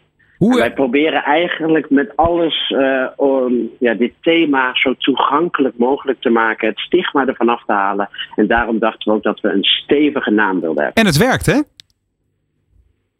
Het werkt, zeker. Ja, want ik, ik lees hier dat uh, jullie met de verzuimkosten met 20% kunnen terugbrengen. En het welzijn van mensen met 97% kunnen vergroten. Dat, dat klinkt als, als, als, als bijna magie. Hoe doen jullie dat? nou ja, um, we hebben gemerkt dat dit thema, dat, of, uh, we verkopen het in aan de bedrijven. En die bieden dat vervolgens aan aan hun werknemers om proactief, preventief aan hun mentale gezondheid te werken. Um, en we hebben daarvoor de opkop-methode. Um, wat inhoudt dat we mensen van onbewust onbekwaam naar ja, geëduceerde, geïnspireerde, geactiveerde members maken. En dat proces is echt benodigd om mensen ja, proactiever met hun mentale gezondheid bezig te laten zijn, wat zo nodig is. En middels het gecureerde aanbod zorgen wij voor die kwalitatieve ervaringen, uh, die impactvolle ervaringen. En van de bedrijven die dus ja, in 2022 met ons hebben samengewerkt, laten die een daling in het verzuim zien. Want we horen inderdaad vaak dat uh, zeker de millennial en uh, misschien wel de Gen Z doelgroep uh, bovengemiddeld veel kampen met mentale, ja, met stress en andere mentale klachten ook op de werkvloer. Waar, waar komt het vandaan dat, dat, dat, dat deze groep zich, zich in ieder geval daar zo voor uitspreekt? Ja, wij focussen ons ook op de hoogopgeleide millennial. Uh, omdat die uh, veel meer dit thema ziet ook als een benodigdheid om zich staande te houden in deze maatschappij, vol met uitdagingen. Uh, we zijn op dit moment ook een marktonderzoek aan het doen. Wat gebeurt er toch bij die mensen en, en waarom, waarom speelt deze problematiek? Ehm, als ik zelf een schot voor de boeg mag doen, maar dat is niet ge, gestaafd op onderzoek, is toch wel de, de digitale technologie die een ontzettend grote impact heeft. Um, een boek dat ik heb gelezen is dat, dat Gen Z al 50% van hun tijd uh, zich online bevindt. Nou, als je daarin steeds een wereld ziet die uh, mooier is, waar je zelf nooit aan kan tippen, ja, dan word je vanzelf wel wat onzekerder, wat instabieler, uh, et cetera. Wat uiteindelijk dus voor die mentale ongezondheid zorgt. Ik vind het een, ik vind het een zeer ja, houdbare theorie. Erik, wat denk jij ervan? Ja, ik wil bijna gelijk mijn telefoon wegleggen ook. ik zag je net al druk appen. Ja. Ik, hoor 97% meer uh, well-being. Ja, doe, doe, mij dat. Ja. In hoeverre lopen jullie er bij CRISP uh, tegenaan? Dat je, dat je nou ja, uh, mentale problemen ziet bij, bij je medewerkers en daar ook alert op bent om te voorkomen dat ze erger worden? Of juist minder erg worden? Ja, ik denk, dat je daar heel alert op moet zijn als uh, werkgever. En als je een klein bedrijf hebt, hiervoor had ik een klein bedrijf met uh, eh, 15 mensen, dan zit je op één ruimte en dan weet je met iedereen hoe het gaat, hoe, ja. ze, hoe het met zijn relatie is en wanneer zo'n hondjarig is. en als je het bedrijf groeit, dan moet je daar op een slimme uh, manier mee omgaan. Dus nu, nu meten wij ook met allerlei instrumenten van hoe is het met het geluk en de betrokkenheid van mensen gesteld. Met allerlei instrumenten? Kan nou, je dus, ja, dus een, een, een, een, simpele manier is vragen aan mensen, zou je quiz nog aanraden als werkgever? En, oh, okay. en hoe rate je op ons eigenlijk? Hè? Dat mag je dan anoniem ook invullen. Um, dus je verzamelt eigenlijk data om, om dat inzichtelijk ja. te krijgen. Ja. ja. dan moet je natuurlijk niet alleen naar die data kijken, maar dat ook verrijken en met mensen in uh, gesprek gaan. Ja. Maar daarmee kun je misschien voorkomen dat mensen die, uh, je ziet dan als de betrokkenheid zou dalen van mensen, dat je daar iets aan kan doen. Um, en dat kan op allerlei vlakken liggen. Dus dat kan op ontwikkeling en dat kan ook salaris zijn. Maar soms is het ook gewoon puur de fysieke omgeving uh, waarin je werkt of werkdruk. Ehm, dus we daar proberen we heel dicht op te zitten om, dat, eh, om, dat, ja, om, om daar iets aan te kunnen Ja, doen. daarom werken Remy en ik op het Mediapark zo nu en dan om ons, eh, om ons levensgeluk overeind te houden. Ja. Snap ik, ja. Precies, zonder telefoon, eh, als het eventjes mee zit. Renier, jullie hebben een mooie klant al aan je weten te binden. Ik zie hier eh, van de Jimmy Woo tot aan de Hotelschool Den Haag, Sprints en Sneakers, een bekend bureau, Maristella Maris. Wat is een beetje jullie, wat is een beetje jullie sweet spot qua klant? Want het is best wel gevarieerd. Ehm, ja, dat is toch va- gevarieerd, omdat we ja, in het begin zo ook zeker eh, binnen ons eigen netwerk eh, eh, onze lijntjes uit hebben gelegd. Maar het wordt allemaal steeds duidelijker en wij focussen ons op het, de, waar die hoogopgeleide millennial zich bevindt binnen het MKB. Dus ongeveer de bedrijven van 50 tot, tot 500 medewerkers. Daar is waar we ons op focussen. Daar merken we ook dat we het meeste impact met het bedrijf kunnen hebben. En dat die, eh, ja, dat die bedrijven ook echt voor, voor goed werkgeverschap zijn. Om actief met, hun, me- eh, met de medewerkers aan de slag te gaan om de mentale gezondheid ook echt te willen verbeteren. Waar eh, gaan jullie het, eh, de 1 miljoen euro groeikapitaal voor gebruiken? Ehm, nou, we, we hebben een, een runway ehm, eh, van ongeveer afgelopen augustus tot en met februari 24. Ehm, en ehm, we, hebben een, een, eh, we zijn een techbedrijf, dus ons platform willen we doorontwikkelen. Dat is een belangrijk punt.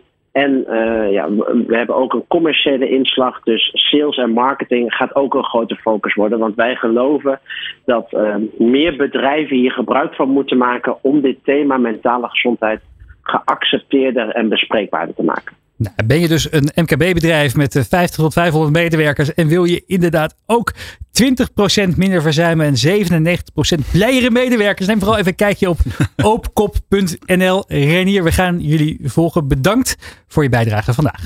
Dit is De Ondernemer live op Nieuw Business Radio. Ja, Erik, hoor- eh, je hoort natuurlijk veel. Hè? Bij jullie werken waarschijnlijk ook ongelooflijk veel hoogopgeleide mensen. eh, ook nog eens eh, in de Randstad. Nou, die hebben ook een druk leven. eh, moeten van alle- allerlei dingen combineren. Werk, privé. eh, willen, willen nog wat hobby's doen in het weekend. Sporten. Maar willen ook nog naar de, naar de kroeg misschien. Ja. Zorgt inderdaad voor mentale druk. Tegelijkertijd zou je ook kunnen zeggen van nou, nou, nou, eh, je- je- het, het, het is ook wel een beetje, het loopt ook een beetje de spuigaten uit. Dat mensen ook maar alles, alles, alles willen en dan ook eigenlijk uiteindelijk de, ja, bij, bij het werk neerleggen dat ze mentaal op zijn. Hoe kijk jij daarnaar als ondernemer? Ja, we hebben natuurlijk ook een hele krappe arbeidsmarkt gehad. Dus in, en in zo'n krappe arbeidsmarkt is het, eh, is het makkelijker, denk ik, ook om bepaalde eisen te gaan stellen aan je werkgever. Ik heb zelf inmiddels twee crisis eh, meegemaakt eh, in mijn werkende leven. Dus dan, dan weet je dat het ook anders kan zijn. En, eh, en dan ga je denk ik ook anders, anders acteren. Ehm, ik denk wel dat we daar als werkgever ook... ja, je kunt daar wel rekening mee houden. Er zijn allerlei dingen die, die je kunt doen. Ehm, flexibiliteit wordt meer gewaardeerd bij jonge mensen. Dus, eh, ehm, eh, bij ons hoeft niet iedereen negen uur op kantoor te zijn. Eh hybride werken proberen we zoveel mogelijk mogelijk te maken. En inderdaad, Moet je, Soms- ook, moet je ze ook actief op coachen? We hebben het onder meer Ron Blauw in de uitzending gehad, maar ook Ja. Herman Helbeke, de horeca-ondernemer uit Rotterdam. Ja. Die zegt, ja, wij hebben ook heel veel ja, jongeren bij ons werken, die we ook echt proactief aan het coachen zijn om ja, de vrijheden die je hebt als young professional, eh, dat je die wel Ja. ook een beetje mo- goed uit moet balanceren. Dat je ook een beetje goed voor jezelf moet zorgen. Ja, ja coachen. eh, we hebben veel, veel managers die natuurlijk direct eh, een coachende rol hebben. Maar ook het beleid wat je stelt als, als bedrijf helpt daar heel erg in. Dus wij ehm, eh, zeggen bijvoorbeeld, als je, wil je een dag focus werken en je kunt dat niet thuis doen. Want we hebben inderdaad veel jonge mensen die, die delen soms nog een huis met de drie anderen die ook allemaal aan het, eh, aan het werk zijn thuis. Nou, dan is er een aparte focusruimte op een externe locatie waar je even kunt eh, gaan zitten. We zeggen, we zeggen ook niet van je moet elke dag op kantoor zijn. We waarderen wel dat contact dicht bij elkaar. Omdat we geloven dat de creativiteit en nieuwe ideeën dat die ontstaan ook als je fysiek bij elkaar bent. Ehm, dus veelal zijn mensen bij ons drie, vier dagen eh, op kantoor. Eh, Even uitgesloten de operatie. Die Ja. vaak op, de, op de weg of in het warehouse. Hoeveel dagen ben je er zelf? Eh, eh, ik ben er denk ik vier à vijf. Dus ik ben... eh, Bovengemiddeld. bovengemiddeld Het goede veel bu- het bureau aan het bezet houden. Ehm, maar denk ik ook weer goed als, als, als co-founder dat je niet alleen bereikbaar bent via Slack, maar dat mensen je ook gewoon kunnen aanspreken als ze, als ze iets willen. Mag ik je nog even vragen naar dat persoonlijke leerpunt? Je, je zei net, ik heb een aantal crises gehad in mijn persoonlijke werkervaring. Waar Ja. liep je dan tegenaan? Zonder dat je Oh, allerlei nee, details nee, te eh, ik bedoel, ik heb inmiddels twee economische crisis Oh, oké, dus niet eh, persoonlijk. meegemaakt. Ah, nee, dus dan, dan, en Ja. dan zie je ook dat eh, en, bij, de, de eerste keer werkte ik nog in bij een groot consultancybedrijf. En Ja. dan zie je opeens, oh, dan moet dat bedrijf gaan, gaan inkrimpen. Dan is er opeens minder vraag naar wat wij, naar wat wij doen. Ja. En dat is best wel spannend voor, voor een heleboel mensen. En ik en veel jonge mensen hebben die echt net gestart zijn op de arbeidsmarkt. Die weten natuurlijk niet anders dan dat er gewoon heel veel vraag is Ja. naar, eh, naar wat zij doen. Ehm, dus, maar ja, tegelijkertijd als werkgever wil je ook die mensen aan je binden. Ehm, dus probeer je daar zo goed mogelijk eh, mee om te gaan. Nou zie je ook bij veel bedrijven dat ze nu eh, downscaling rondes aan het doen zijn. Eh, ze krimpen rondes van min 10% tot, tot 6% van, van het aantal medewerkers wat, wat eruit moet gaan. Dat klinkt nu heel klinisch. Maar dat gaat soms over best wel een hele hoop mensenlevens die daarmee eh eh, eventjes op de kop worden, worden, worden, worden gezet. Is dat ook iets waar, nou, niet, niet misschien niet zozeer jullie rekening mee houden, maar wel waar je, eh, hè, dat je ook die jonge mensen wel meegeeft dat het inderdaad niet alleen maar altijd het ritje naar boven is en dat het tij ook kan keren wat dat Ja. betreft. Nou, precies. En dat is, dat is denk ik ook een kwestie van dat goed en helder uitleggen. Ehm, en soms dat herhalen. Want oké, er, er worden nu, zijn nu grote aantallen in absolute zin die bij Facebook, Google, et cetera worden ontslagen. Maar er zijn een veelvoud daarvan natuurlijk aangenomen in de afgelopen tijd. Dus net al gezien eh, eh, zitten, zitten die techbedrijven denk ik nog heel erg in de plus. Maar het besef wat nu gaat komen van we gaan steeds meer focussen op winstgevendheid. eh, dat komt nu ook bij, eh, bij de jonge generatie dan naar boven. Lessen over winstgevendheid. Dat eh, bespreken we ook in de tweede uur van de Ondernemer Live. Over de groeistrategie van Crisp. Maar we gaan het ook hebben over de doorstart van autofabrikant Lightyear. We blikken vooruit naar de webwinkel vakdagen. En we kijken naar de mogelijkheden van data voor Crisp in de Data Dinsdag. Tot zometeen. Van arbeidsmarkt tot groeikansen. Van bedrijfscultuur tot innovatie. De Ondernemer. Live. Elke dinsdag van 11 tot 1. Live op Nieuw Business Radio. Dit is Nieuw Business Radio. Van arbeidsmarkt tot groeikansen. Van bedrijfscultuur tot innovatie. De Ondernemer. Live. Elke dinsdag van 11 tot 1. Live op Nieuw Business Radio. Met Remy Gieling en Roland Tameling. Kijk, ik heb net een, eh, eh, een, ja, een knijterverse crispwortel wegge, weggeknaagd. Het is ongelooflijk goed. Ik kan iedereen aanbevelen. Eh, maar ik ben, eh, ben weer uitgegeten. Dus welkom terug bij het tweede uur van De Ondernemer Live. Waarin we verder praten over de groeistrategie van Crisp. Maar ook over de doorstart van autofabrikant Lightyear. We blikken vooruit naar de webwinkelvakdagen. En kijken we naar de mogelijkheden van data voor Crisp in de Data Dinsdag. We gaan van start. Van arbeidsmarkt tot groeikansen. Van bedrijfscultuur tot innovatie. De Ondernemer. Live. Elke dinsdag van 11 tot 1. Live op Nieuw Business Radio.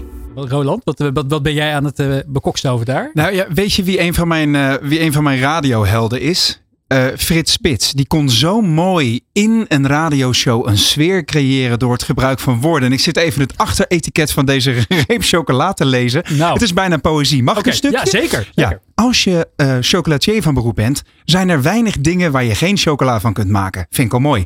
En toch kun je het moment waarop Hans van Urban Cacao de laatste kruimels van zijn crisp croissantje op zijn bord zag liggen, gerust een Eureka-moment noemen. Die zacht knisperende karamelachtige goudbruine vlokken vol AOP roomboter uit Poitou Charentes, Cha Charente, uh, vragen gewoon om een omhelzing van rijke melkchocolade. Wat een combinatie, die kun je letterlijk uniek noemen. Nou, als je nu geen Hier kan, krijgt, hier kan? ChatGPT tegenop. Uh, Let op, hè? Let op, hè? Daar is die. Ah, dat is fijn. Mag ik? Mijn eerste hapje crisp chocolade. live op zender. Mm. Eet hem lekker weg. Dan gaan wij ondertussen snel beginnen met de stellingen. Laten we dat doen. Want zo beginnen we altijd het tweede uur. Erik, Nederlandse consumenten letten over het algemeen te veel op prijs en te weinig op de verborgen kosten van hun producten. Mm, ja, dat ik wel mee eens. Roland? Groeigeld ophalen brengt ook veel zorgen met zich mee. Nee, dat vind, oh. ik, uh, vind ik meevallen. Oké. Okay. Bij de provinciale statenverkiezingen stem ik op een ondernemerspartij. Nee. Ik denk wel eens met weemoed terug aan mijn tijd als dating-expert. Uh, nee. oh, um, ah, sorry. AI gaat de komende jaren talloze banen doen verdwijnen. Mm, ja, ik denk, denk wel wat, ja. ja. Ik ben een lastige baas om voor te werken. Uh, dan ga ik natuurlijk gewoon nee zeggen. Ik hoor na de uitzending wel of het, uh, of het klopt. ik, vind ze, ik vind onze producten soms ook een beetje duur. Uh, nee. nee. Bestaande cao's zijn hopeloos achterhaald. Oeh. Niet, uh, vaak wel, ja. ja. Uh, oh, ook een grappige. Ik kan, ik kan die winstcijfers van Albert Heijn en Heineken best goed begrijpen. Ik snap ze wel, ja. ja. Um, ik sluit een fusie met een andere online supermarkt niet uit. Mm, nou, dat, is, uh, dat sluit voorlopig wel uit, ja. Ja? ja. Oké. Okay. Crisp zit binnen drie jaar in Duitsland en Frankrijk. Oeh. Mm, dat is geen doel op zich, maar Allebei? Nee. Misschien. We hebben net geleerd, groei moet je doseren. Dus voorlopig niet. Je doseren. Ja. Prikkelende stellingen. Roland, welke vond jij leuk om even over door te praten? Nou ja, de, de, de eerste volmondige nee kwam na de stelling groeigeld ophalen brengt ook veel zorgen met zich mee. Jij zei het net heel, heel mooi van uh, er zit geen fun in uh, fundraising. Maar jij hebt dat dus als anders ervaren. Ja, ik, ik vind ondernemen heel erg leuk. Ja. Um, dus, en, de, en, dat brengt een bepaalde verantwoordelijkheid. En mensen vragen dan van, oh, maar er werken nu meer dan duizend mensen bij Crisp. Lig je daar dan niet wakker van? Want het zijn allemaal mensen die, uh, die ook misschien een zin hebben of gevoed uh, moeten worden. Nou, toch nou, verantwoordelijkheid. Investeerders heb je een bepaalde verantwoordelijkheid naar. Dus dat ja. verantwoordelijkheidsgevoel, dat is er zeker. Um, maar maak ik me daar zorgen om? Um, nee, ik lig daar niet wakker van. En ik denk dat het ook niet goed is als je elke keer denkt van, oh, maar oh, dit, dit, dit is zo groot en zo belangrijk. Um, dus in die zin proberen we met een bepaalde uh, lichtheid uh, er wel van te genieten wat we aan het doen zijn. Dus niet alleen van het lekker eten, maar ook van het soort ondernemers. Ja, heb, je, heb je mensen om je heen die, uh, die wel die, die karaktertrekken hebben? Dat ze denken, oh, beren op de weg jongens, hoe gaan we dit doen? Ja, maar dat is supergoed ook. Dus mm -hmm. die heb je ook nodig. Dus um, bijvoorbeeld aan de meer technische kant, dan heb ik liever iemand die zegt van uh, dit is wat er wel kan, dit is wat er niet kan. Dit gaat vrij veel tijd kosten als we dat op deze manier helemaal gaan ontwikkelen. Ja. Uh, die misschien wat, laat ik zeggen, realistischer is. Uh, dat, dat is super waardevol. Dus je hebt die verschillende types nodig. Um, ik denk dat wij als oprichters, en dan spreek ik denk ik ook voor, uh, voor uh, Tom en Michiel, die al of zo lang vrienden van me zijn. Ja. Um, ja, wij zien veel kansen en we zijn uh, optimistisch ingesteld. Ja. Ondernemen met vrienden, dat, dat kan dus heel, heel leuk zijn. Kan ook problemen met zich meebrengen. Hoe Ja. heb jij het ervaren? Ja, ik, ik begrijp dat nooit zo. Want ik heb altijd uh, uh, samen met, met vrienden bedrijven uh, gehad in die zin. Ja, Uh, ook met, met Bloem natuurlijk. Ja, met Bloem had ik samen met Merlin de Graaf gestart. Waarmee ik het super goed kon vinden. en hetzelfde geldt eigenlijk voor Tom en Michiel. We kennen elkaar al heel erg lang. inmiddels meer dan twintig jaar. Um, ik had toen we elkaar leren kennen niet, niet kunnen bevoeden dat wij ooit uh, samen een bedrijf zouden hebben. Um, maar de, de, de skills die we hebben, alle drie, die vullen elkaar eigenlijk heel natuurlijk gezien goed aan. En ik denk ook de persoonlijkheden. Um, dus dat is grappig dat je wat je dan uh, privé hebt, dat, dat je dat ook. Ja, en waar knettert het wel eens? ja, we hebben niet zo heel veel grote in die zin conflicten. Ik denk ook omdat je erkent dat de een beter is in iets dan de ander. Um, dus ik ben bijvoorbeeld uh, technisch iets sterker dan, uh, dan de andere twee. Dus dan is er relatief soort van weinig bemoeienis met ja, hoe zit dat technisch allemaal in elkaar? Mm -hmm. Of hoe moet onze app werken? Um, ik, ik heb geen registeraccountant of registercontroller opleiding, maar dat heeft Michiel wel. Dus die, die dus je hebt dan vooral het, ver, het vertrouwen in elkaars kunnen. Ja, en dat, ja. Is, dat fundament moet er wel zijn. Als dat fundament sterk genoeg is, hè, en meer dan alleen de vriendschap, maar ook dat je inhoudelijk uh, van elkaar op aan kunt, ja, dan kun je heel goed, denk ik, samen met ja. vrienden Wat viel jou op, uh, Remy, aan de antwoorden op die stellingen? Nou, wat ik heel grappig vond zelf, uh, ook omdat ik hem zelf heb bedacht. Hoor nou, is onze producten, ik vind onze producten soms ook een beetje duur. is natuurlijk een beetje grappig bedoeld ook. Maar het is natuurlijk wel wat je vaak hoort van mensen, is die perceptie ja. dat Crisp een hele dure online uh, ja. supermarkt is. Ja. Uh, vind je het vervelend dat die, dat die perceptie er is? Snap je het? Nou, ik, ik snap het. Overigens is het zo dat we, dus het is ook omdat het er mooi uitziet. Uh, en, en, en, Hele mooie fotografie altijd. Is, ja. dan, dan heeft het soms die perceptie. als je praktisch kijkt, dan is deze melk of deze eieren, die zijn even duur als als ze, dat ze in een blauw mandje zouden liggen en je koopt ze bij de, bij de lokale supermarkt. Um, tegelijkertijd is er ook een rol voor ons weggelegd om uit te leggen waarom sommige dingen duurder zijn. Dus um, um, goed vlees Met ehm eh, runnen die vrij kunnen lopen, die geen antibiotica hebben gehad. Waar de kalfjes niet worden weggehaald bij de eh, moeders. Die smaken beter. Eh, daar heb je dus eigenlijk ook minder van nodig. Hè. Daar ho- hoef je niet zoveel van te eten. Het gaat niet per se om de kwantiteit, maar meer om de kwaliteit.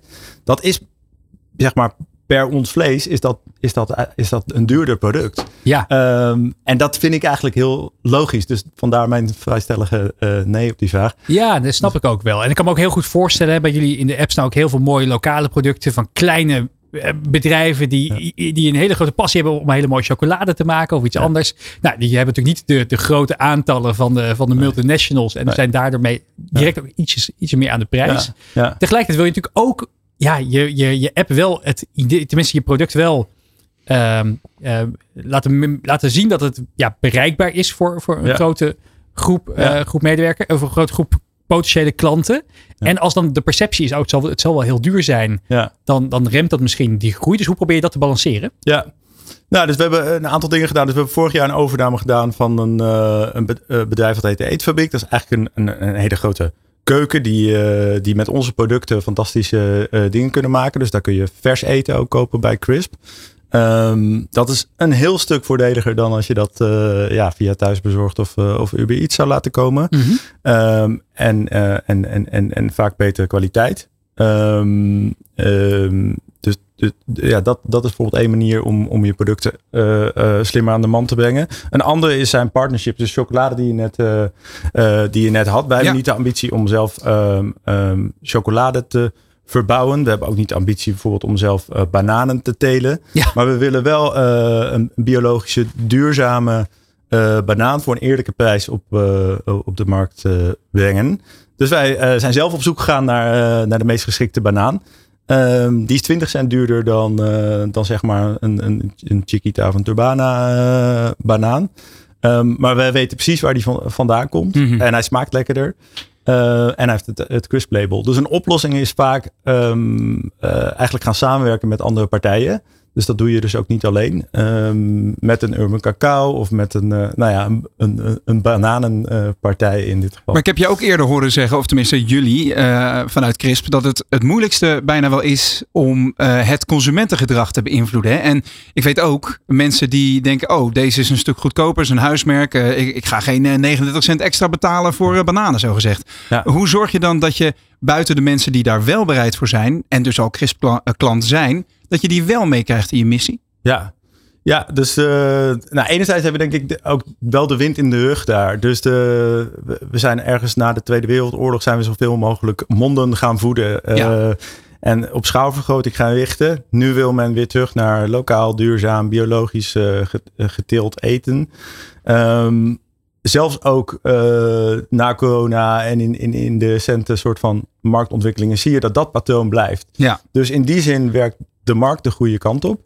Ehm, dan is aan ons de schone taak om ook uit te leggen ehm, waarom die producten dan anders zijn. Dus deze zoete aardappel, heel veel zoete aardappel in Nederland komt uit eh, Mexico of de Verenigde Staten. Dit is een van de weinige zoete aardappels die gewoon in Nederland wordt verbouwd.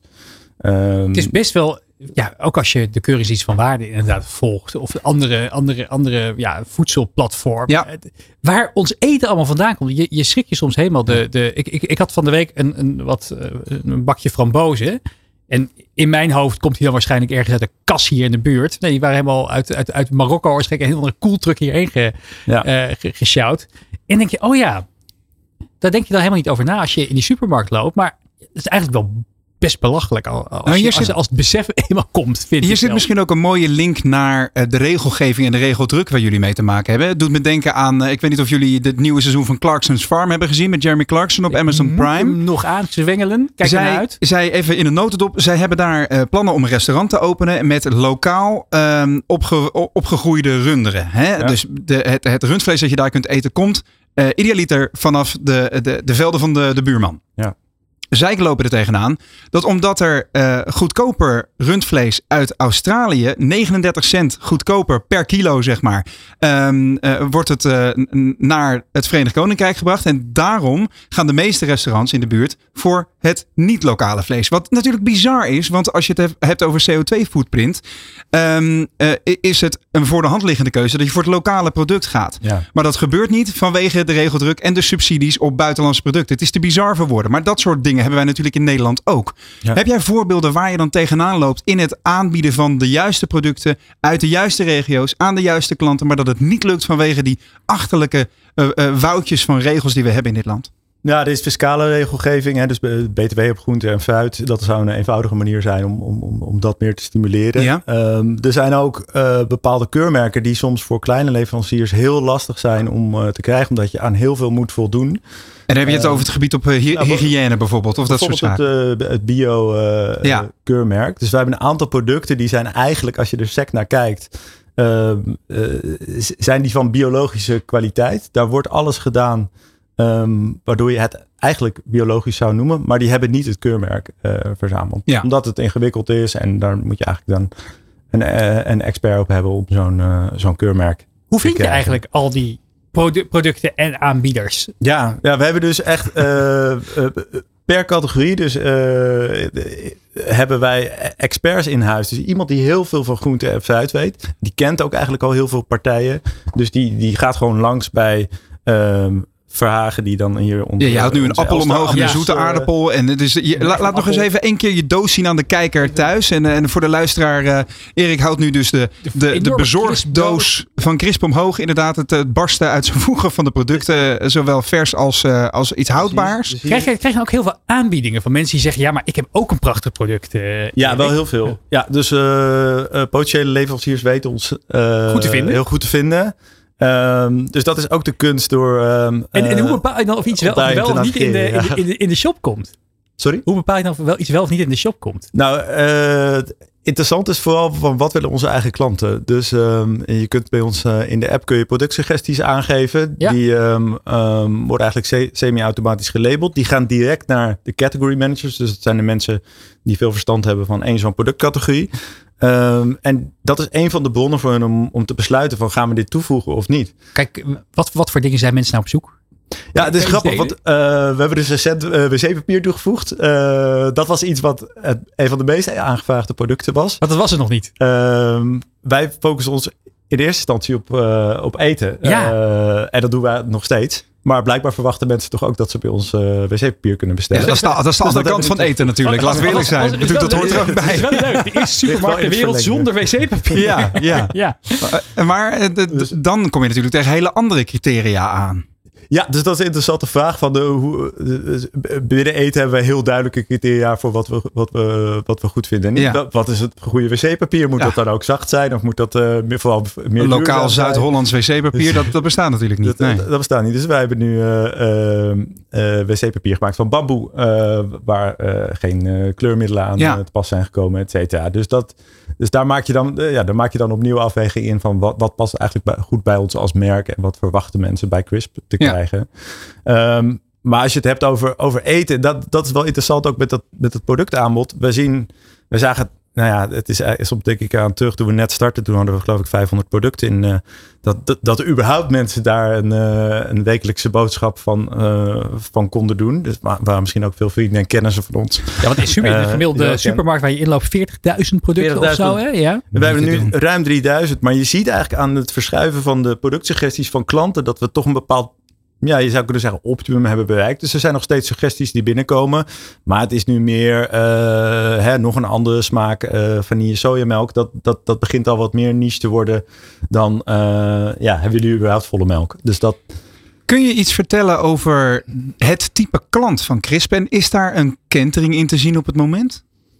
Ja, dit, eh, wat veel mensen denken, eh, wat we vaak erbij moeten zeggen, is dat we niet alleen in de, in de steden eh, Ja. actief zijn, omdat sommige andere supermarkten. Daar hangt nog een beetje doen. een juppensfeertje omheen, om het even plat te zeggen. En dat is, dat is dus inderdaad echt niet, niet waar als je kijkt naar onze cijfers. Dus het zijn veelal gezinnen of stellen die bij ons kopen. Ja. Verspreid door Nederland. Dus meer dan, dan de helft komt buiten de Randstad vandaan. Woont in niet-stedelijke gebieden. Ja. Ehm, en, eh, en eigenlijk een, een, een ja, vrij gemiddelde eh, gezinnen. Dus we hebben ook gekeken naar ehm, dingen als inkomensniveau en eh, WOZ-waarde. WOZ-waarde. Precies, las ik. Nou, Ja. De WOZ-waarde ligt iets boven het, eh, boven het gemiddelde in Nederland. Mhm. Maar de meeste klanten die, die, die, die, die wonen gewoon in een normaal huis. en Het zijn niet allemaal eh, grachtenpanden van enkele miljoenen die, eh, waar Nee. het eh, wekelijks eh, wordt bezorgd. Nee, precies. En hoe, hoe eh, is het uit te breiden naar mensen die een wat minder variant inkomen hebben. Dus eh, iets, iets beneden modaal bijvoorbeeld. Ja. Waar, waar ik me ook kan voorstellen waar juist de winst zit qua producten. En, en het, het bieden van jullie diensten.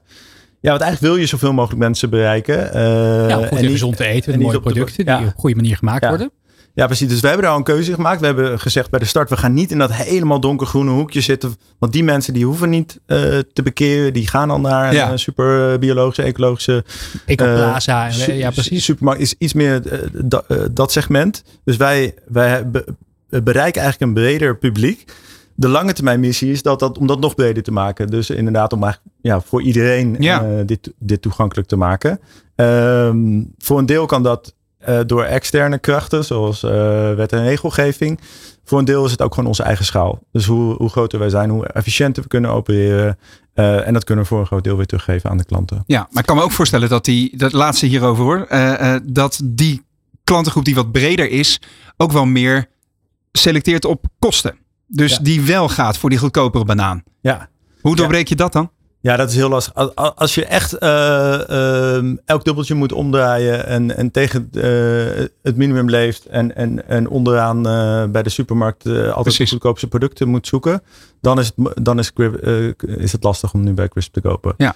En Eén- daar kun je een verschuiving eh, in teweeg brengen, maar die gaat geleidelijk. En eh, ja, we hopen er wel te komen. Ja, er wordt nu druk gebaard inderdaad, want eh, we, we, we zouden nog een ander gesprek hebben inderdaad eventjes. eh, maar we gaan, eh, we gaan nu inderdaad even inbellen. Dat is, dat is mooi opgelost. Technicus Daan gaat, gaat meteen aan de slag. Ehm, wat, Wat ik, waar, waar, Ja. ik nog wel heel benieuwd naar was. Als ik in Amerika ben en, kom, en ik wil graag voor mijn geld af. Dan kom ik altijd heel graag bij Whole Foods. Ja. Fantastisch mooie winkel. Uiteindelijk overgenomen door Amazon een paar jaar, Ja. een paar jaar terug. Jeff Bezos was daar een van de, van, de, van, de, van de orkestranten achter. Whole Foods is een hele mooie supermarkt. Ook eigenlijk gericht op, op, op ja, mooie producten Ja. eh, beschikbaar maken. En het ziet er ook echt waanzinnig uit als je daar, eh, als je, als je daar binnenkomt. Je hebt ook meteen het gevoel dat het heel goed met je gaat als je dat doet. Hè? Dat, ja, het- dat, dat is het. Het is een soort psychologisch rondloopt, heb je effect. het idee dat je ontzettend gezond bezig bent. Ja, exact. En dat je de, de wereld een, een, een, ja, een, een hart onder de riem steekt. Het is ooit opgericht door eh, John eh eh Mac, Mackey. Mackie is het geloof ik inderdaad. Ik vond het verbazingwekkend bij de eerste vraag die we stelden. Met wie zou je nou graag een weekje op onbewoond eiland zitten? Zei je niet hem of Jeff Bezos? Ik dacht, oh ja, als we het nou echt hebben over de supermarkt disruptors. Kies je een van deze twee. Heb je daar, heb je helemaal niks mee? Of, eh, of, of, of, of ken je het verhaal al zo goed dat je denkt, nou daar, hoef ik, daar hoeven wij niks meer van te leren hier in Nederland? Of maak je zorgen over de komst misschien wel eens naar Nederland van dit soort initiatieven? Eh, nee, dat niet. Nee, ik denk dat we wel heel veel gekeken, zeker bij de start van Crisp, naar eh, wat gebeurt er al in het buitenland. Want een concept als Crisp bestond eigenlijk eh, in Europa nog niet. Aan de overkant van de oceaan wel. Dus en daar zag je ook dat de online een soort van grocery shopping adoption al veel hoger was. Dus veel meer mensen die, die al kochten bij dit soort supermarkten. Dus daar hebben we goed naar gekeken. Dat, dat, daar zitten ook hele interessante verhalen tussen. Ehm, ja, en, ik, en eh, goed, eh, ik, eh, Bill Gates vind ik vanuit techno- technologisch perspectief een interessant persoon. Ehm, heel veel dingen zijn wij zelf voor het eerst aan het doen of aan het uitvinden. Dus we, er werken ook veel mensen bij Crisp die niet traditioneel uit de foodsector komen. We hebben heel weinig mensen die, ehm, ja, die bij Albert Heijn of Jumbo of, of dergelijke gewerkt eh, hebben. Eh, Niet gehinderd door enige kennis kan Eigenlijk wel, enorm ja. helpen. Eh, die met een vissenkijk denken van wat zou nou een logische slimme manier zijn om dit te organiseren. En niet de bagage meedragen van eh, ja, het werken in zo'n supermarktgigant. Nou, straks daarover meer, maar eerst dit. Dit is De Ondernemer live op Nieuw Business Radio. Ja, Roland, normaal gesproken Ja. bij eh, de ondernemer onderweg zie je naar buiten lopen voor een eh, flinke hagelnieuwe, ehm hagelnieuwe, ehm Ja. wordt hier druk gepraat door, eh, door, door Ja, nou, ik heb goed nieuws. Want volgens mij hangt, hangt Wijnand, onze oorspronkelijke gast, nu wel aan de lijn. Ah, het is eventjes een beetje improviseren inderdaad. Ja, waar we goed in zijn natuurlijk. Ja, Maar eh, ja, ik dacht want dat we al eentje over gingen slaan. Maakt Nee, niet uit, dat nee. kan af en toe gebeuren. dat zou zo vervelend zijn. Ja, dus Roland, take it away. Ja, heel goed. Eh, Schuif het vooral af. Ja, wat is de toekomst van retail en e-commerce? Op 29 en 30 maart staan tijdens de webwinkel vakdagen alle trends en ontwikkelingen centraal op dat vak, eh, vakgebied. Maar welke zijn dit jaar onmisbaar? Eh, in de studio zou zijn Wijnand Jonge, maar Wijnand hangt nu aan de lijn. Ondernemer en initiatiefnemer en al eh, 22 jaar oprichter van het befaamde keurmerk thuiswinkel.org. Wijnand, van harte welkom in de uitzending. Ja, goedemiddag, hallo. Fijn dat je er alsnog bent. Wat kunnen we verwachten van de Webwinkel Vakdagen 2023? Ja, ik denk dat het uh, voor iedereen een uh, meer dan inspirerend uh, event gaat zijn. Waar alle kennis en kunde, ja, zo'n beetje wat beschikbaar is in Nederland, samen gaat komen. Waar partijen zich presenteren, waar natuurlijk mijn, branche, mijn oude brancheorganisatie thuiswinkel.org zich zal presenteren. Ja. En waar je natuurlijk gewoon ja, alles kan, waar je kan netwerken, waar je mensen kan ontmoeten, waar je inspirerende verhalen kan, kan horen. Nou ja, hoe mooi kun je het hebben dat allemaal onder één dek, dak op de webwinkelvakdagen. En op wat voor type ondernemers richten jullie dan? Afgezien natuurlijk van de logische uh, webwinkel-eigenaren, zo gezegd? Ja, nou, ik denk gewoon uh, eigenlijk iedereen die stakeholders in dat hele veld. Hè, dus, dus niet alleen de webwinkel-eigenaren en mensen die bij webwinkels werken of bij retailers werken. Maar ook mensen die natuurlijk in de toeleverancierwereld zitten. Hè, dus alle suppliers, partners van, van allerlei partijen. Ja, dat zijn de mensen die allemaal daar bij elkaar komen. Dat maakt het ook wel een beetje uniek. En wat is dan de belangrijkste vraag waar jullie antwoord op geven tijdens het evenement? Nou, ik denk, ik denk, dat het evenement uh, heel goed uh, mensen zal hebben om even over de even stil te staan bij waar ze mee bezig zijn. Even na te denken over wat, wat gaat de dag van morgen brengen en hoe kan ik me daar het beste op voorbereiden. Daar krijg je daar op die webwinkelvakdagen denk ik allerlei handvatten voor aangereikt. En dat maakt het denk ik, nou, dat maakt het gewoon natuurlijk bijzonder. Ja. Al, al, ruim 15 jaar is, wordt, het, wordt het georganiseerd. Wat zijn nou de belangrijkste trends van de afgelopen nou, 1, 2 jaar die, die je ziet? Nou goed, ik denk dat uh, een paar trends zomaar even uh, los uit de pols. Uh, digitale transformatie gaat natuurlijk gewoon maar door. Dat is, iedereen denkt soms van nou, dat hebben we nu al gehad, maar nee, dat, daar zitten we nog middenin. Dus dat loopt gewoon, gewoon door.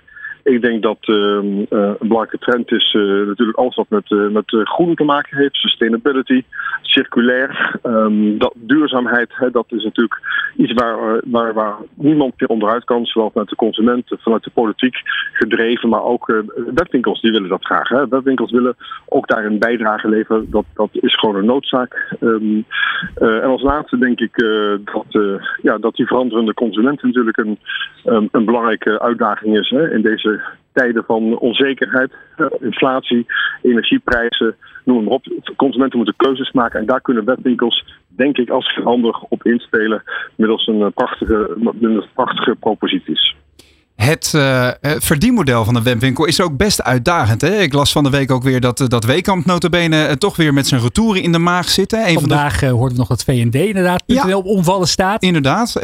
Nou, maar Wekamp zit, die gaat inderdaad toch weer de, de retouren belasten. Omdat er in sommige gevallen 70% van de, van, van de goederen wordt eigenlijk zonder slag of stoot teruggestuurd door de consument. Dat kost natuurlijk enorm veel, veel geld en, en is een totaal geen duurzame gedachte.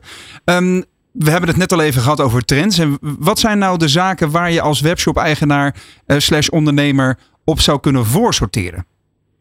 Nou, ik denk om, om goed na te denken over wat, uh, wat jouw strategie gaat worden voor de komende jaren. Hè. Waar wil jij jezelf onderscheiden in de markt? Wat, wil je, wat maakt jou uh, bijzonder? ik denk dat dat uh, iets is wat, wat je als ondernemer gewoon in, in de smiezen moet hebben. En op basis daarvan ja, kun je, ga je je keuzes maken. En dat ja. onderscheidende vermogen, dat is denk ik het van het grootste, grootste belang. En nou goed, als je daar goed over nadenkt en weet wat je wil, waar, welke richting je uit wil, welke piketpalen je wil staan, op welke treinen dan ook. Nou, dan heb je denk ik gewoon een enorme voorsprong. Ja, en dan even de, de term waar de ogen van mijn uh, co-host aan de andere kant van de desk uh, altijd van gaan glimmen. AI, Artificial Intelligence, ja. waar dat voorheen nog een beetje een modewoord was. Hè. Remy is daar heel erg in thuis. Is het nu onmisbaar in, in software en e-commerce? Um, ja, kun, kun je daar nog iets, ja. kun je daar nog je vinger op leggen? Ja, nou, natuurlijk, dat, dat, dat maakt natuurlijk onderdeel uit ook van die digitale transformatie. Maar AI kunstmatige intelligentie is natuurlijk gewoon, uh, en dat is natuurlijk het mooie, die ook, ook bereikbaar voor kleinere webwinkels. Hè, waar het vroeger natuurlijk alleen maar was voorgesorteerd voor de grote spelers, de grote techspelers. Ze kunnen ook nu kleine webwinkels gewoon met uh, AI aan de slag. En uh, dat, dat biedt natuurlijk enorm veel, veel voordelen. En dat zal in de komende jaren alleen nog maar verder groeien. En ja. die manier waarop je daarvan kan profiteren, ja, dat is natuurlijk heel erg bedrijfsspecifiek en column uh, afhankelijk. Maar uh, dat, dat, dat het de wereld op zijn kop gaat zetten, blijvend, dat eh, staat voor mij een paal boven water. Ja, nou ja, naast mijn eigen zakelijke hobby AI.nl zie ik inderdaad ook dat Erik Klaas, onze co-host vandaag, onlangs eh, de AI-hackathon had meegemaakt. Eh, daar gaan we het zo meteen inderdaad dinsdag nog over hebben. Laatste vraag ook, Wijnand, over die webwinkel vakdagen. Want ik kan me voorstellen dat er ook luisteraars zijn die, nou ja, die hebben, die hebben geen webwinkel en vooralsnog geen, geen, geen eh, aspiratie daartoe. Kunnen zij ook iets halen op 29 of 30 maart qua, qua inspiratie en kennis voor hun eigen bedrijf, wat misschien nog niet in de e-commerce zit? ja, juist, juist, juist voor die bedrijven is het natuurlijk ook super interessant. Hè? Want er gaat, gaat natuurlijk een wereld voor je open. Ik denk als ondernemer moet je altijd openstaan voor nieuwe ontwikkelingen, voor nieuwe kansen, voor nieuwe mogelijkheden. En daar waar je in het verleden misschien hebt besloten, jongens, eh, een, een eh, eh, webwinkel is niks voor mij, past niet in mijn strategie. Ja, kan dat nu vandaag de dag, hè, net eh, een jaar nu de corona zo'n beetje achter de rug is, eh, ja, kan het, kan een andere eh, keuze zijn. Hè? Om het wel te omarmen, om wel te gaan kijken wat het mij gaat bieden. Dus, dus je moet nooit iets eh, afsluiten. altijd weer opnieuw vooruitkijken wat, wat, wat de wereld van, juist deze wereld van, van dynamische wereld van webwinkels voor jou kan betekenen. Heel goed. Ja, wij moeten toch wel iets afsluiten, want dit gesprek zit er inmiddels alweer op. Ik, we danken je hartelijk, Wijnand Jonge van de Webwinkel Vakdagen 29 en 30 maart. Laatste vraag nog eventjes. Hoe kunnen we ons aanmelden? Eh, ik denk gewoon via de website. Ik heb de URL niet paraat, maar die kunnen jullie vast en zeker heel snel opzoeken. Uitstekend. Eh, zo simpel kan het leven zijn. Dankjewel, Wijnand Jonge. Welke verhalen schuilen er achter bekende merknamen? Uitgekookt. Fatboy. Toei. Je kent de namen allemaal. Ze komen bijna dagelijks voorbij. Maar weet je ook wat ze betekenen? Nou ja, je kan dus uitgekookt zijn, dus dat je niet meer hoeft te koken. Maar je kan dus ook uitgekookt zijn als dat je een slimme keuze maakt. Waar komen deze namen vandaan? Dus dat hadden nou ja, heel veel namen bedacht, daar een score aangegeven. En daar kwam Innocent uit. En welke verhalen gaan er achter schuil? Met het maken van de namen hebben we ook altijd heel veel plezier. En eh, ja, ja, bij de Hedemok, ik weet niet als je dat op Brabants uitspreekt. eh, ja, het is een heel tof product, dus eh Hedemok. Ah, Heb jij hem ook? Ik, Floris Hulsman, zoek het voor je uit in de zogenaamde podcast. Luister naar het tweede seizoen. De Ondernemer De Ondernemer live. op Nieuw Business Radio. Ja, we hebben nog, niet, nog, nog, nog geen eerder een aflevering gehad waarin we zo goed gevoederd worden. Ja. Nu door de, door de muffins van, eh, van Crisp. Heerlijk. Nou, Heel professioneel ook. nou ja, goed. Het moet toch gegeten worden. Ja, ik zei het net al eventjes. Normaal gesproken, Roland, zou jij Ja. dus nu naar buiten lopen voor een nieuwe aflevering van De Ondernemer Onderweg. Maar we pakken deze aflevering even anders aan, want er was groot nieuws uit de autowereld. En dat heeft alles te maken met Lightyear, wat toch een doorstart gaat maken. Ja, nou, dat is natuurlijk één grote eh soap bijna inmiddels. Hè. Eh, Wij hebben Lightyear de laatste jaren veel gevolgd en goed gevolgd. Veel contact mee gehad ook. Ik ben laatst ook bij de start van de productie van de Lightyear Zero, hun eerste model geweest in Finland. En anderhalve week later werd de stekker eruit getrokken. Jongens, we zijn failliet, 650 man eruit. En helaas, het avontuur is voorbij. Maar er is nu een, eh, toch, een, een, toch wel een subtiel lichtje aan het einde van de, van de tunnel, zou je kunnen zeggen. Want er is een consortium. Precies. Een, Lightyear aan het einde van de tunnel. Eh, aandeelhouders, een consortium van aandeelhouders heeft nu een bedrag van 8 miljoen euro bij elkaar weten te krijgen om een doorstart van de Helmondse zonneautobouwer mogelijk te maken. En daar gaan we even over praten met een van de Nederlanders die ooit instapte als een van de eerste investeerders eh, in Lightyear, maar daar ook alweer van terugkwam. Eh, tevens eh, al eens co-host geweest in het programma. Mark Vletter, de CEO en oprichter van eh, Voice, eh, eh, aanbieder van mobiele telefonie. Eh, Mark, eh, welkom weer in de uitzending. Fijn dat je er bent. Eh, gedaan. En eh, wij doen vaste telefonie zoveel mogelijk. Dus eh, mobiel eh, slaan we liever over. Ja, nou, dat, dat is ook weer een eh, slip of de tong van mijn kant. Waarvoor excuses. Laten we ons Maar richten op, eh, op, eh, op Lightyear. Want jij hebt dus inderdaad eerst eh, vol enthousiasme ben jij ingestapt in het project. Hè? Eh, eh, toen, toen de Lightyear One toen nog, heel ver- verwarrend verhaal, die auto he- heette eerst de One, dat werd daarna de Zero. Eh, maar je hebt ook eh, eh, jouw, jouw ja, je, je investering weer teruggetrokken toen zij van 150.000 euro de auto ineens 250.000 euro zouden maken. Wat is jouw gevoel bij het laatste nieuws van Lightyear dat er nu toch mogelijk weer een doorstart is? Ik vind het heel fijn voor, voor de organisatie dat ze, dat ze verder kunnen. Er zijn natuurlijk best wel grote ambities. En ehm, ehm, ik zou het een failliet van Nederland vinden als we geen ruimte vinden voor dat soort grote ambities. Ehm, eh, ze zijn er by far nog niet. Die 8 miljoen is echt een eerste stukje. Eh, en ik denk dat het eh, ze ook wat meer klaarmaakt voor eventuele andere overnames. Ehm, Lightyear heeft een, een, een grote bak aan patenten die ze inmiddels op hun naam hebben staan. Maar die Ja. patenten hebben natuurlijk niet zo heel veel waarde als je niet weet hoe je ze moet gebruiken of hoe ze geproduceerd worden. En het doel is nou om eh, kleiner eh, verder te gaan met, eh, met zo'n 100 mensen. En die 100 mensen in combinatie met die patenten hebben waarde. Dus ik denk dat het dan makkelijker wordt om eventueel ook in overnamegesprekken met anderen eh, iets neer te kunnen zetten. Waarbij het doel nog steeds is voor Lightyear om die Lightyear 2 te maken, de goedkopere zonneauto. Of in ieder geval te starten met de weg daar naartoe. Ja, voor de massa inderdaad. En wat we vandaag hebben geleerd eh, van, van Erik van Crisp is dat lean and mean eigenlijk de enige manier is om sustainable te groeien. En als ik even mijn eigen ervaring met je, met je mag delen, ik ben ook even benieuwd hoe jij dat ziet. Ehm, toen ik in Finland rondliep laatst in de fabriek, werd eh, de- aangekondigd we gaan één auto per week maken voorlopig. Dus dat klinkt allemaal heel lean and mean. Maar er liep bijvoorbeeld al een team van vijf PR-mensen rond. Nou, ik ken geen automerk eh, waarbij dat eh, zeg maar in dit stadium al zo is. Dus het voelt ook een beetje alsof er enorm met geld gesmeten is. Wat is jouw gevoel daarbij, Mark?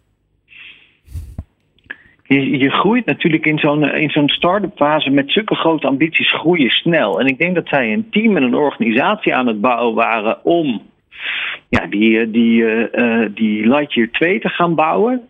zonder daar op dit moment al eigenlijk de juiste papieren of misschien wel de juiste mensen bij te hebben. Ja. Dus ik ben ook altijd van, van ja, wat dat betreft iets meer de sustainable growth. En echt de mensen pakken die je nodig hebt.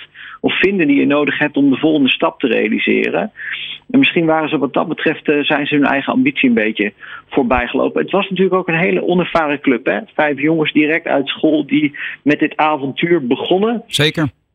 Ja, en dan, dan snap ik wel dat je, dat je daar. ehm, dat je daar alle ondernemerslessen nog in moet leren. Dus ik hoop dat er ook wat meer rust in de organisatie kan komen als ze die doorstart maken. Want ik denk dat dat een solide fundament om op te bouwen hier eh, wel noodzakelijk gaat zijn. Ja, de verzamelaar van de 8 miljoen euro die nu is, eh, eh, is eh, bij elkaar gesprokkeld, zou je kunnen zeggen, is eh, Arnoud A- Albersberg. Hè?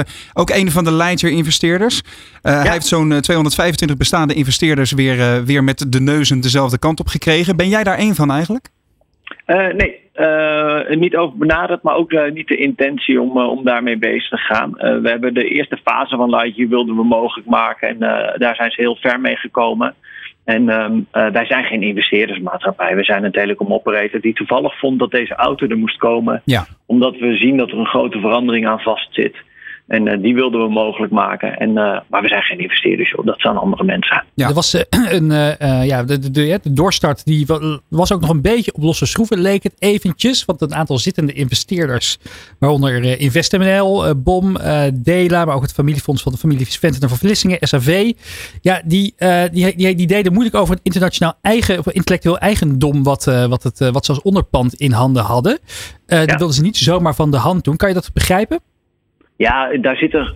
Kijk, die, het IP wat Lightyear heeft opgebouwd, daar zit op dit moment de grootste waarde. En aan de andere kant bestaat dat IP, eh, die, dat intellectual property, eigenlijk alleen maar in combinatie met de mensen die snappen hoe je dat moet gebruiken.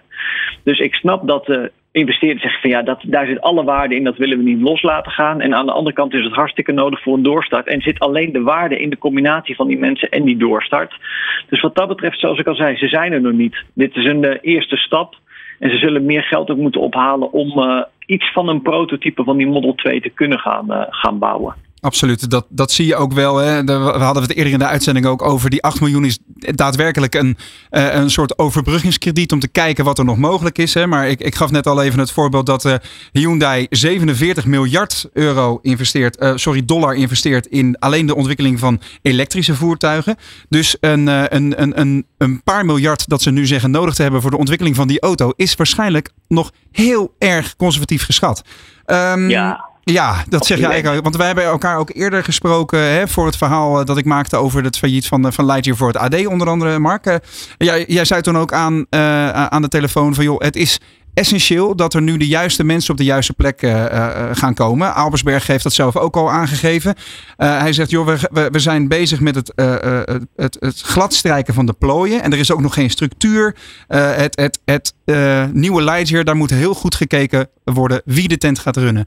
Ehm, zou jij eens een voorspelling willen doen? Wanneer zou het wel lukken, denk jij? Hm. dat is gemeen deze, hè? ik weet het.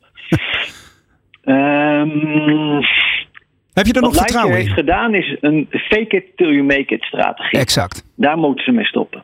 Je moet super authentiek zijn in dit is waar we nu staan en dit is wat we nodig hebben. Je hebt kwetsbaarheid nodig om die volgende stap te kunnen zetten.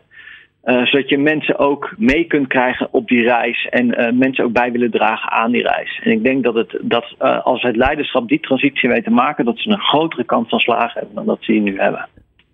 Heel goed. Wat ik, nou, wat, waar ik nog wel benieuwd naar was hierover, is inderdaad hè, de, de, de fake it till you make it strategie. Eh, ja, hoe, hoe eerlijk is dat? Ik denk dat hè, alle ondernemers enig bravoer nodig hebben en, wat, en, wat, en, en misschien wel een beetje bluff om uiteindelijk te komen waar je, waar je wilt komen.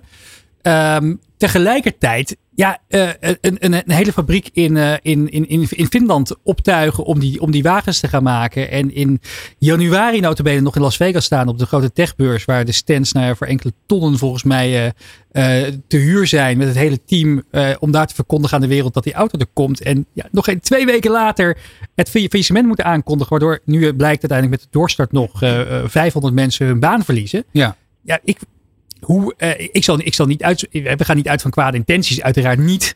Maar ik vind het wel. Een, ik vind het wel. Ik vind het, ik- ja, ik vind het als persoon die op dat moment nog met zo'n CEO staat te praten. Die een groot. eh, die, die, die, die, daar het, het, het evangelie staat te verkondigen. Ja, maar volgens mij is dit de essentie van fake it till you make it. We, we tuigen het zo mooi op dat, eh, dat ze hopen nieuwe investeerders te halen. Dat was ook het doel van Lightyear op de CES. We laten zien dat we er staan. En nu moeten we zo'n duidelijke uitstraling hebben. Vandaar ook dat mooie pand in Helmond. Het ziet er natuurlijk, het zag er allemaal uit om door een ringetje te halen. In de hoop dat er daadwerkelijk grote internationale partijen zouden aanhaken en meegaan op die missie. Eh, maar ik vind het een mooi verhaal van eh, een, een mooi standpunt ook van, eh, van Mark Vletter. Dat, dat je inderdaad zegt van joh, ga nou even uit Ja, vanuit wat- die wat ik- echte missie. Ja, maar wat ik nog wilde weten, maar kan dit? Kan, kan je dit als ondernemer, kan je dit zo doortrekken? Ik denk dat je ontzettend. Kijk, de, aan de ene kant heb je die grote droom van we moeten anders gaan rijden. En ik denk dat we een ontzettende sense of urgency voelen bij, on, eh, eh, bij de verandering die we als wereld moeten doorstaan. Als we zo doorgaan zoals we nu doorgaan, we stoten nog steeds ieder jaar meer CO2 uit dan het jaar daarvoor, dan heeft de generatie van ons heeft gewoon geen planeet, na ons gewoon geen planeet meer over. En die planeet redt zich wel, maar die generatie redt het niet. En ik denk dat die sense of urgency heel groot is. Dus de, er staat gewoon best wel wat op het spel. En ik denk dat er maar weinig mensen die dat, eh, zijn die dat werkelijk voelen. En eh, dat je dan inderdaad in combinatie met we willen zo graag dat het lukt. eh, bepaalde drempels overgaat die, waarvan jij zegt van goh, kun, je dat wel maken? Ik snap dat dat ontstaat. Ik zeg niet dat het goed is, maar ik snap wel dat het on- ont- ontstaat. En ik denk wel dat Lightyear een van de weinige organisaties is waar dat besef over de noodzaak van die verandering heel groot aanwezig is. Als we toch Shell horen die zeggen van joh, we betalen wel even wat meer dividend uit en eh, we gaan zo door zolang de aandeelhouders het een goed idee vinden, want we verdienen er economisch geld mee. Exact. Dan, dan is het failliet van de wereld al eigenlijk al compleet. Als onze pensioenfondsen zeggen dat is echt een prima plan om zo door te gaan. En de generatie naast ons, ja. Maar we hebben wel heel veel minsten gehad een paar jaar lang. Joh, flikker toch op. Dat werkt toch helemaal niet meer. Dus ik vind het failliet van het systeem wat dat betreft. Met een Shell die zijn la- eh, cijfers eh, eh, ehm, laat zien aan de markt. En de reactie daarop vind ik veel groter en veel erger dan het eh, faillissement wat dat betreft van een Lightyear. Die daar volgens mij altijd met de goede intenties en met de juiste urgentie ingezeten heeft. Heel mooi. Dankjewel voor deze reactie. Mark Vletter, oprichter en CEO van Voice. Van aanbieder van vaste telefonie voor de duidelijkheid. Dit is De Ondernemer live op Nieuw Business Radio. Ja, we gaan het eh, hebben over een onderwerp wat eh, onze co-host Erik Klaassen van Crisp en mij ook mateloos interesseert. Data en kunstmatige intelligentie. En daarvoor is aangeschoven Job van den Berg voor een Data Dinsdag. Job, jij bent in het dataverhaal van Crisp gedoken. Yes, bepalen en kiezen wat je gaat eten. Ik vind het een uitdagende. Vooral bij de avondmaaltijd. Ik heb altijd het gevoel dat ik op zoek ben naar een maaltijd die eigenlijk niet bestaat. Mijn ideale maaltijd moet en snel zijn, en heel gezond, en de kinderen moeten het lekker vinden, en het moet iets anders zijn dan ik doorgaans eet. Niet weer die pasta pesto of die orzo met kip gehakt.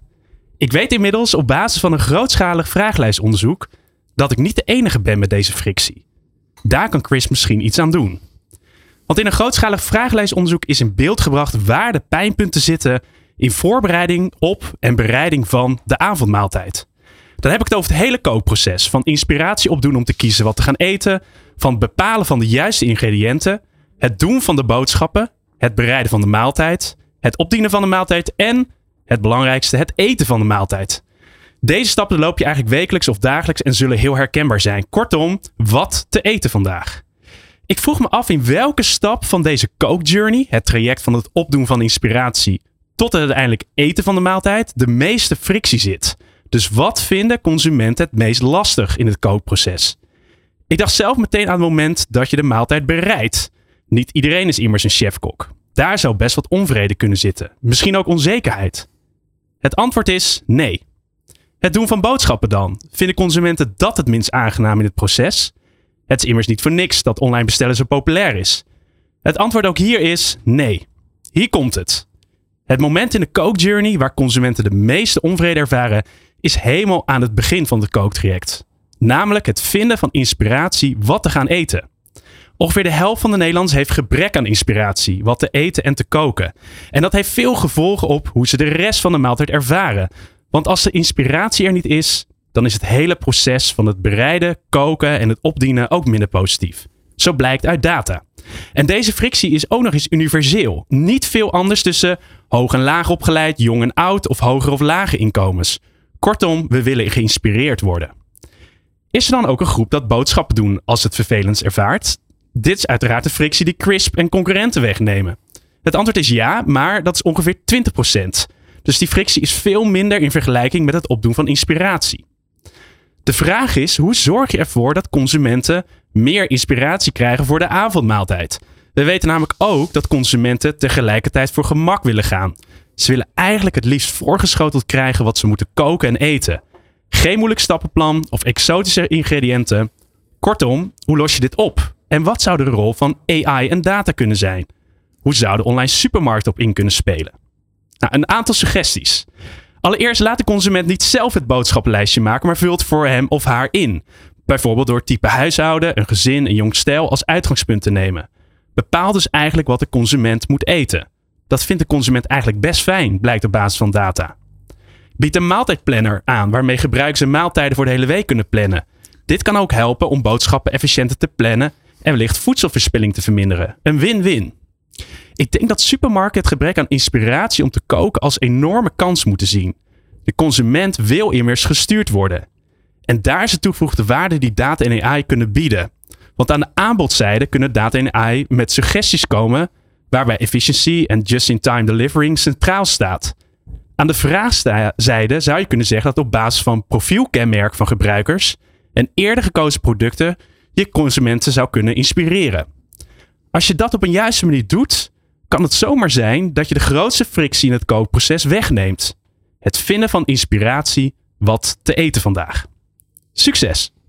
Dankjewel Job. Ja, jij bent natuurlijk ook helemaal thuis in de, in, de, in, de, in de wereld van data. Ik zei het net al in, eerder in de uitzending. Je was nog bij de AI Hackathon, georganiseerd eh, mede door Jelle Prins. Heel leuk. Wat heb je daar gedaan? Uh, iets heel anders gebouwd. Dus uh, uh, een app om, te, om erachter te komen wat je vanavond kunt gaan doen in een stad waar je nog nooit eerder bent geweest. Um, er is even iets wat niet met food te maken heeft, maar wel inspiratie. Want ja, de toepassingen van ChatGPT en ja. alle, alle, nieuwe modellen die nu eigenlijk op de markt komen en zomaar beschikbaar zijn. dat is super interessant wat je daarmee kan. En dat kunnen we ook bij Crisp gaan toepassen. Ik, ik denk dat het bijvoorbeeld in onze klantenservice uh, uh, zou je dat kunnen laten terugkomen. En hoe, hoe het vaak bij Crisp werkt, wij waarderen het persoonlijk contact met onze klanten. We gebruiken ook die data en die inzichten die eruit komen, die gebruiken we weer. Dus bij ons zal AI waarschijnlijk een tool zijn um, om onze, bijvoorbeeld onze service medewerker te helpen een beter antwoord te geven. Um, ik zie ons niet zo gauw een, uh, een chatbot implementeren die, die het contact helemaal overneemt. Volgens mij zijn we daar ook nog helemaal niet uh, gezien de recente ontwikkeling met Microsoft. Uh, de big chatbot dus, die een beetje doorsloeg en mensen van spionage, sabotage en overspel begon te betichten inderdaad. Precies, maar er liggen een heleboel kansen om het ja, eigenlijk efficiënter te maken vanuit je bedrijfsvoering, maar ook voor, voor een klant makkelijker en beter. Ja, ik probeerde net ook eventjes ChatGPT te openen om een nieuw gerecht te, be te, bedenken wat hier met die prachtige producten oh, ja, meegenomen. Maar zelfs met mijn betaalde abonnement ligt het eruit op het moment, oh. de chatbot. Dus we kunnen er even geen gebruik van maken. Uh, Job, als je kijkt naar, naar, naar Chris, wat, wat, voor, wat voor mooie kansen zou jij allemaal zien voor, uh, voor, uh, voor wat je, waar je dat echt op korte termijn ja, tijd mee kan besparen? Ja, Het werd al een beetje genoemd, de, de Customer Contact Center. Dus zeg maar daar inzichten uithalen. Dus niet het automatiseren, maar meer AI gebruiken om inzichten uit te halen. Dus wat wordt bijvoorbeeld gezegd via WhatsApp, telefonische kanalen of andere kanalen, die textuele data ophalen. Eh, en op basis van tekstalgoritmes, die dus eigenlijk ook in ChatGPT zitten, meer de inzichtenkant. Dus wat voor onderwerpen, wat voor sentiment. En daarop Topic mo- mogelijk een hele, saaie... Wat zeg je? Topic modeling, om maar even Ja, een hele NLP, Natural Language Processing. Precies. Eh, maar eigenlijk taalmodellen, daar, daar zat ik eerst aan te denken. En de tweede, die, ik- die ik eigenlijk al een beetje noemde. Ik, ik las ook dat jullie heel erg op just-in-time delivery natuurlijk zitten. Dat jullie natuurlijk meteen verse producten eh, direct natuurlijk vanuit de leverancier leveren. En daar is natuurlijk data en AI fantastisch voor. Omdat je daarmee natuurlijk de juiste break-even points. Of zeg maar de, de kruising tussen wanneer moet je wat hebben en hoeveel tijd zit er tussen. Natuurlijk heel goed zou kunnen werken. Dus ik weet niet of jullie dat al toepassen.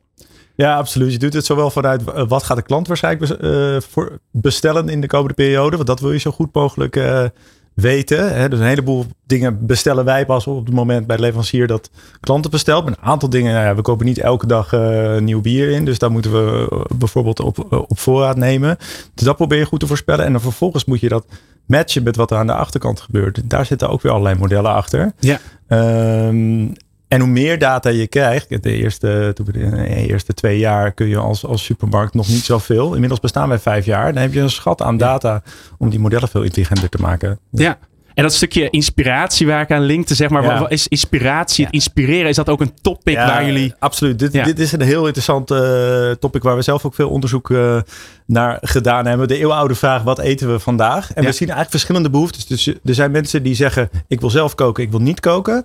Ehm, en er zijn mensen die zeggen, ik wil zelf kiezen en kies het maar voor mij. Dus dat is eigenlijk een soort vier mogelijkheden. En dat kan zelfs binnen één gezin of binnen één eh, klanttype kan het verschillen. Dus dat, eh, dat je zegt van, nou, dus ik heb zelf bijvoorbeeld al heel lang eh, de krat, de maaltijdbox die we recent hebben overgenomen. Die ontzorgt mij voor in ieder geval drie dagen in de week. Dan hoef ik niet te kiezen, maar ik kook het wel zelf. En dat vul ik vaak aan met bijvoorbeeld eh, vers bereide producten. Ehm, eh, dan kies ik dus wel, maar dan kook ik weer niet zelf. Of met onze recepten uit de winkel, wat eigenlijk een soort alles in één pakket is waarmee je iets kan maken. Dus dan kies je zelf en dan eh, kook je ook zelf. Ja, En het ja. interessant is uh, om een combinatie te maken die voor iedere klant al relevant is. En inderdaad kun je ook heel veel dingen al eh, voorspellen. Eigenlijk voor nieuwe klanten is dat wel lastig om te zeggen, nou ja, je bent een tweepersoons huishouden, dus je wil per se dit. Hè? Want alleen al in, in types melk heb je aardig wat, eh, eh, wat keuze. Ook al zijn veel mensen eh, melkdrinkers, maar dan kan het ook weer havermelk zijn Ja. tegenwoordig. Dus je hebt een paar orders nodig om een soort die cold start eh, te doorbreken. Maar dan kun je vrij aardig eh, al met, met een zekerheid van zeg 80% of meer een aantal producten eigenlijk al gewoon klaarleggen in dat mandje. Ja, dat is Ehm, geweldig. Ja. Dus dat, eh, dat is zeker iets waar we nu aan werken. Ik heb ondertussen ook een eh gerechtssuggestie gekregen van onze geliefde ChatGPT Oh ja. eh, Hij is wakker collega. Hij is wakker geworden. Eh, ik vroeg inderdaad, hè, bedenk een gerecht met de ingrediënten melk, wortels, bier en chocolade. Want dat zag ik even zo snel ertussen liggen. En hij bedacht een interessant gerecht dat je kunt maken. Is een wortel chocoladetaart met bierglazuur. En geeft vervolgens ook de ingrediënten en inderdaad het, eh, de instructies hoe we dit kunnen gaan is, maken. Waar gaat dit over, mannen? dit is echt, wat, ik heb echt geen idee waar ik naar luister. Nee. het is buitengewoon interessant. En volgens mij kunnen we over alleen het idee data al nog twee uur vullen over CRISPR. Ja, maar ik maar wil jij gaat, toch eh, graag even Erik mee naar buiten nemen. Want eh, we gaan naar het eh, laatste onderdeel van deze show. Kijk eens wat er buiten staat. Ah, Voor- is die. En, eh, Kun je aan de luisteraar uitleggen wat er staat?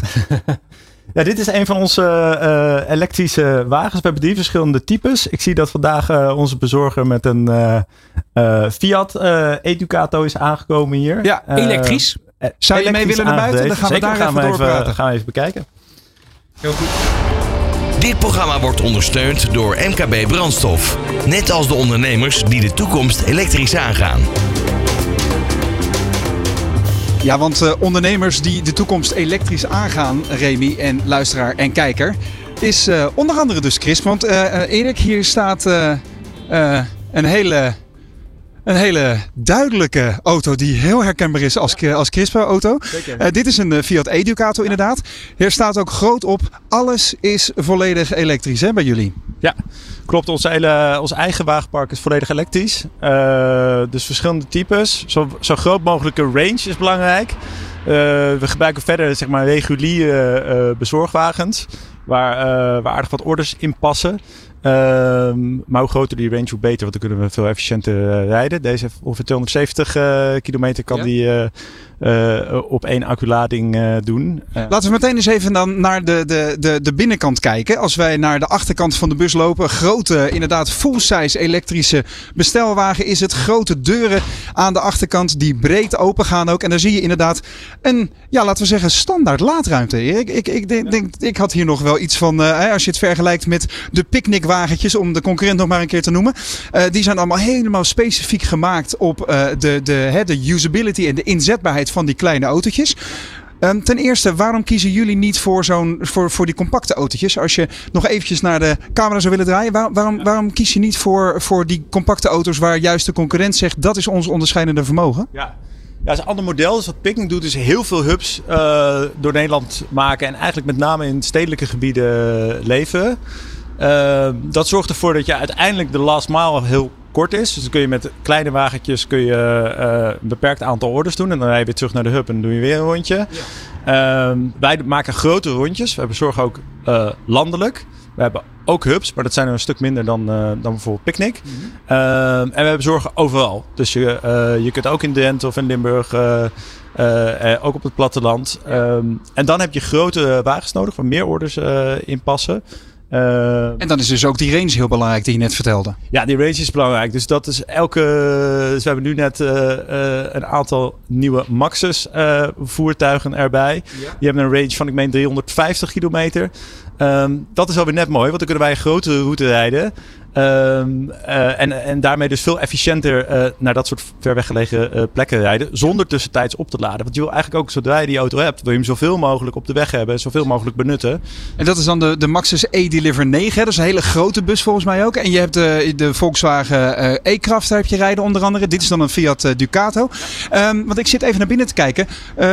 Moeten de bussen nog aan andere elementen voldoen? Als in koeling of dat soort voorzieningen? Of is dat in jullie geval niet belangrijk? Nee, wij rijden dus niet met eh, gekoeld transport. Ehm, dus, dus het wordt eigenlijk gekoeld in de dozen eh, waar nodig. Dus we hebben bijvoorbeeld aparte zakjes eh, voor, voor diepvries eh, eh, eh, spullen die, die dan koud bewaard worden op die manier. Eh, en daarbij kun je dus eigenlijk gewoon met zo'n bus eh, leven. Waar gebruikelijk is in de voedselwereld dat je met eh, gekoeld transport moet eh, rijden. Wat weer alle eisen stelt aan je bus, wat, eh, wat duurder is. We hebben eigenlijk het op een manier opgelost dat dat dus niet nodig is. Dus ook weer zo simpel mogelijk houden eigenlijk. Dat is in, in heel veel gevallen jullie eh, filosofie. Hè? Dan doe ik even de deuren dicht. Laten we even naar de cabine van de bus lopen. Waar jouw collega Casper achter het stuur zit. Die rijdt inderdaad dagelijks dus met een crispe bus door eh, Nederland heen. Casper, kom er even lekker bij eh, als je wil. Dankjewel dat je hier precies op tijd gekomen bent voor uh, de afsluiten van deze show. Wat is als jij, jij bent uh, de bezorger. Hè? Wat is voor jou belangrijk aan jouw materiaal, jouw elektrische bus? Um, nou, wat voor ons belangrijk is, is dat je natuurlijk het bereik kan halen. En um, dat je dus mooi presenteerbaar bij de klant kan staan. Eigenlijk uh, ja, gaat dat altijd goed. De planning die houdt er rekening mee met als je dus je route 150 kilometer of minder is, dat het dan met de, met de elektrische bus. Dus okay. ik denk dat ik meer, meer, dan de, ja, meer dan de helft van de tijd dat we dus elektrisch rijden, omdat we dus alles oost van Utrecht um, um, bezorgen. Ja. Dus uh, ja, dus dat bevalt altijd heel goed. En, uh, en hoeveel kilometer rij je dan gemiddeld op een werkdag? Um, ja, dat verschilt nogal. Het begint ligt er ook aan hoe laat je begint. Dus om twee uur of vier uur. Maar gemiddeld ja, is dat vaak zo. Dus tussen de 100 150. En dat is wel echt meer dan de helft van de tijd. Ja. Maar het komt ook voor dat we dan uh, natuurlijk nog, nog eens naar Groningen. Of helemaal naar het oosten moet, van het land moeten. En dat kan helaas nog niet elektrisch. Maar ja. dat is misschien in de toekomst voor als er weer nieuwe depots worden geopend. Dat het uh, dan wel mogelijk gaat worden. Nou ja, Erik gaf net al aan. Hè? Uh, er zijn mogelijkheden. want elektrische bussen krijgen steeds langere rijkwijde en steeds betere inzetbaarheid. Dus dat is al een trend waar, waar jullie op voor sorteren. Uh, Erik, nog even afsluitend. Welke trends verwacht je nog meer vanuit CRISP uh, aangaande het wagenpark? Want je hebt nu een, een hele lading grote voertuigen rijden. denken jullie ook nog naar bakfietsen te gaan? Of toch die kleinere autootjes voor die, voor die kortere afstand ten opzichte van de hubs? Nee, dat is eigenlijk niet nodig in ons model. Dus dit, dit, dit type wat je hier ziet, deze grootte, is eigenlijk ideaal. Dus daar hebben we er gewoon uh, meer van nodig. Waar, waar we veel uh, nog aan weer, weer, kunnen verbeteren is aan de hele achterkant. Dus het verder optimaliseren, automatiseren. Eh, van zowel ehm, de routes, die zijn we eigenlijk elke dag efficiënter aan het maken. Eh, als ook dingen, uiteindelijk gaat het om ehm, de klant. Dus je wil bijvoorbeeld dingen als de stoptijd aan de deur. Daar wil je een slimme berekening op maken van zoveel tijd heb je ongeveer nodig voor een klant. Wij nemen meer tijd dan eh, veel andere partijen, zodat je ook... eh, nou, als Casper bij iemand thuis komt, dat hij ook even een praatje kan maken of iets erbij kan zeggen. Of zijn auto netjes aan de kant kan zetten, zodat hij niet de weg blokkeert. Ehm, dat is een keuze en dat zorgt uiteindelijk denk ik ook voor een, gewoon een hogere, eh, ja, betere klantervaring. Ehm, dus de- Dat is het verhaal eigenlijk hè, van de CRISP-bussen. Wat trouwens ook een behoorlijke tongenbreker is eh, over het algemeen. Dankjewel even voor deze, voor deze insight ook in jullie aanpak rondom het wagenpark en duurzaam ondernemen onderweg. Eh, Casper, dankjewel. Succes met je rit ook. Eh, fijn dat je hier toch nog even... Hoeveel klanten heb je nog af te leggen vandaag? Ik heb vanochtend al mijn route gehad. Ben om, eh, om half acht begonnen. Dus ik heb eh, al twintig klanten gehad vandaag. En het eh, zit voor mij hierna op. Dus, Heel goed. Dit was dus het toetje van jouw rit. Dat is fijn. En ook het toetje van de uitzending, deze aflevering van De Ondernemer Live en De Ondernemer Onderweg. Met niemand minder dan Erik Klaassen van CRISP. Een van de co-founders. Dankjewel Erik. Dan eh, eh, voor, voor twee uur prachtige inspirerende radio en alle ins en outs van jullie bedrijf. Super. Dank. Leuk om erbij te zijn. Thanks voor de uitnodiging. MKB Brandstof sponsort dit programma. Omdat veel mooie mogelijkheden voor ondernemers onderweg al gewoon bestaan. De Ondernemer. Live op Nieuw Business Radio. Ja, het zit erop. Hartelijk dank voor het eh, kijken en luisteren naar De Ondernemer Live. Volgende week dinsdag zijn we er weer van 11 tot 1. Terugkijken of luisteren kan via YouTube of je favoriete podcastplatform. En dit programma werd mede mogelijk gemaakt door Nederland Wijnen, MKB Brandstof en Bluefield Agency. Dit was De Ondernemer Live met Remy Gieling en Roland Tameling. En graag tot volgende week. Van arbeidsmarkt tot groeikansen. Van bedrijfscultuur tot innovatie. De Ondernemer. Live. Elke dinsdag van 11 tot 1. Live op Nieuw Business Radio.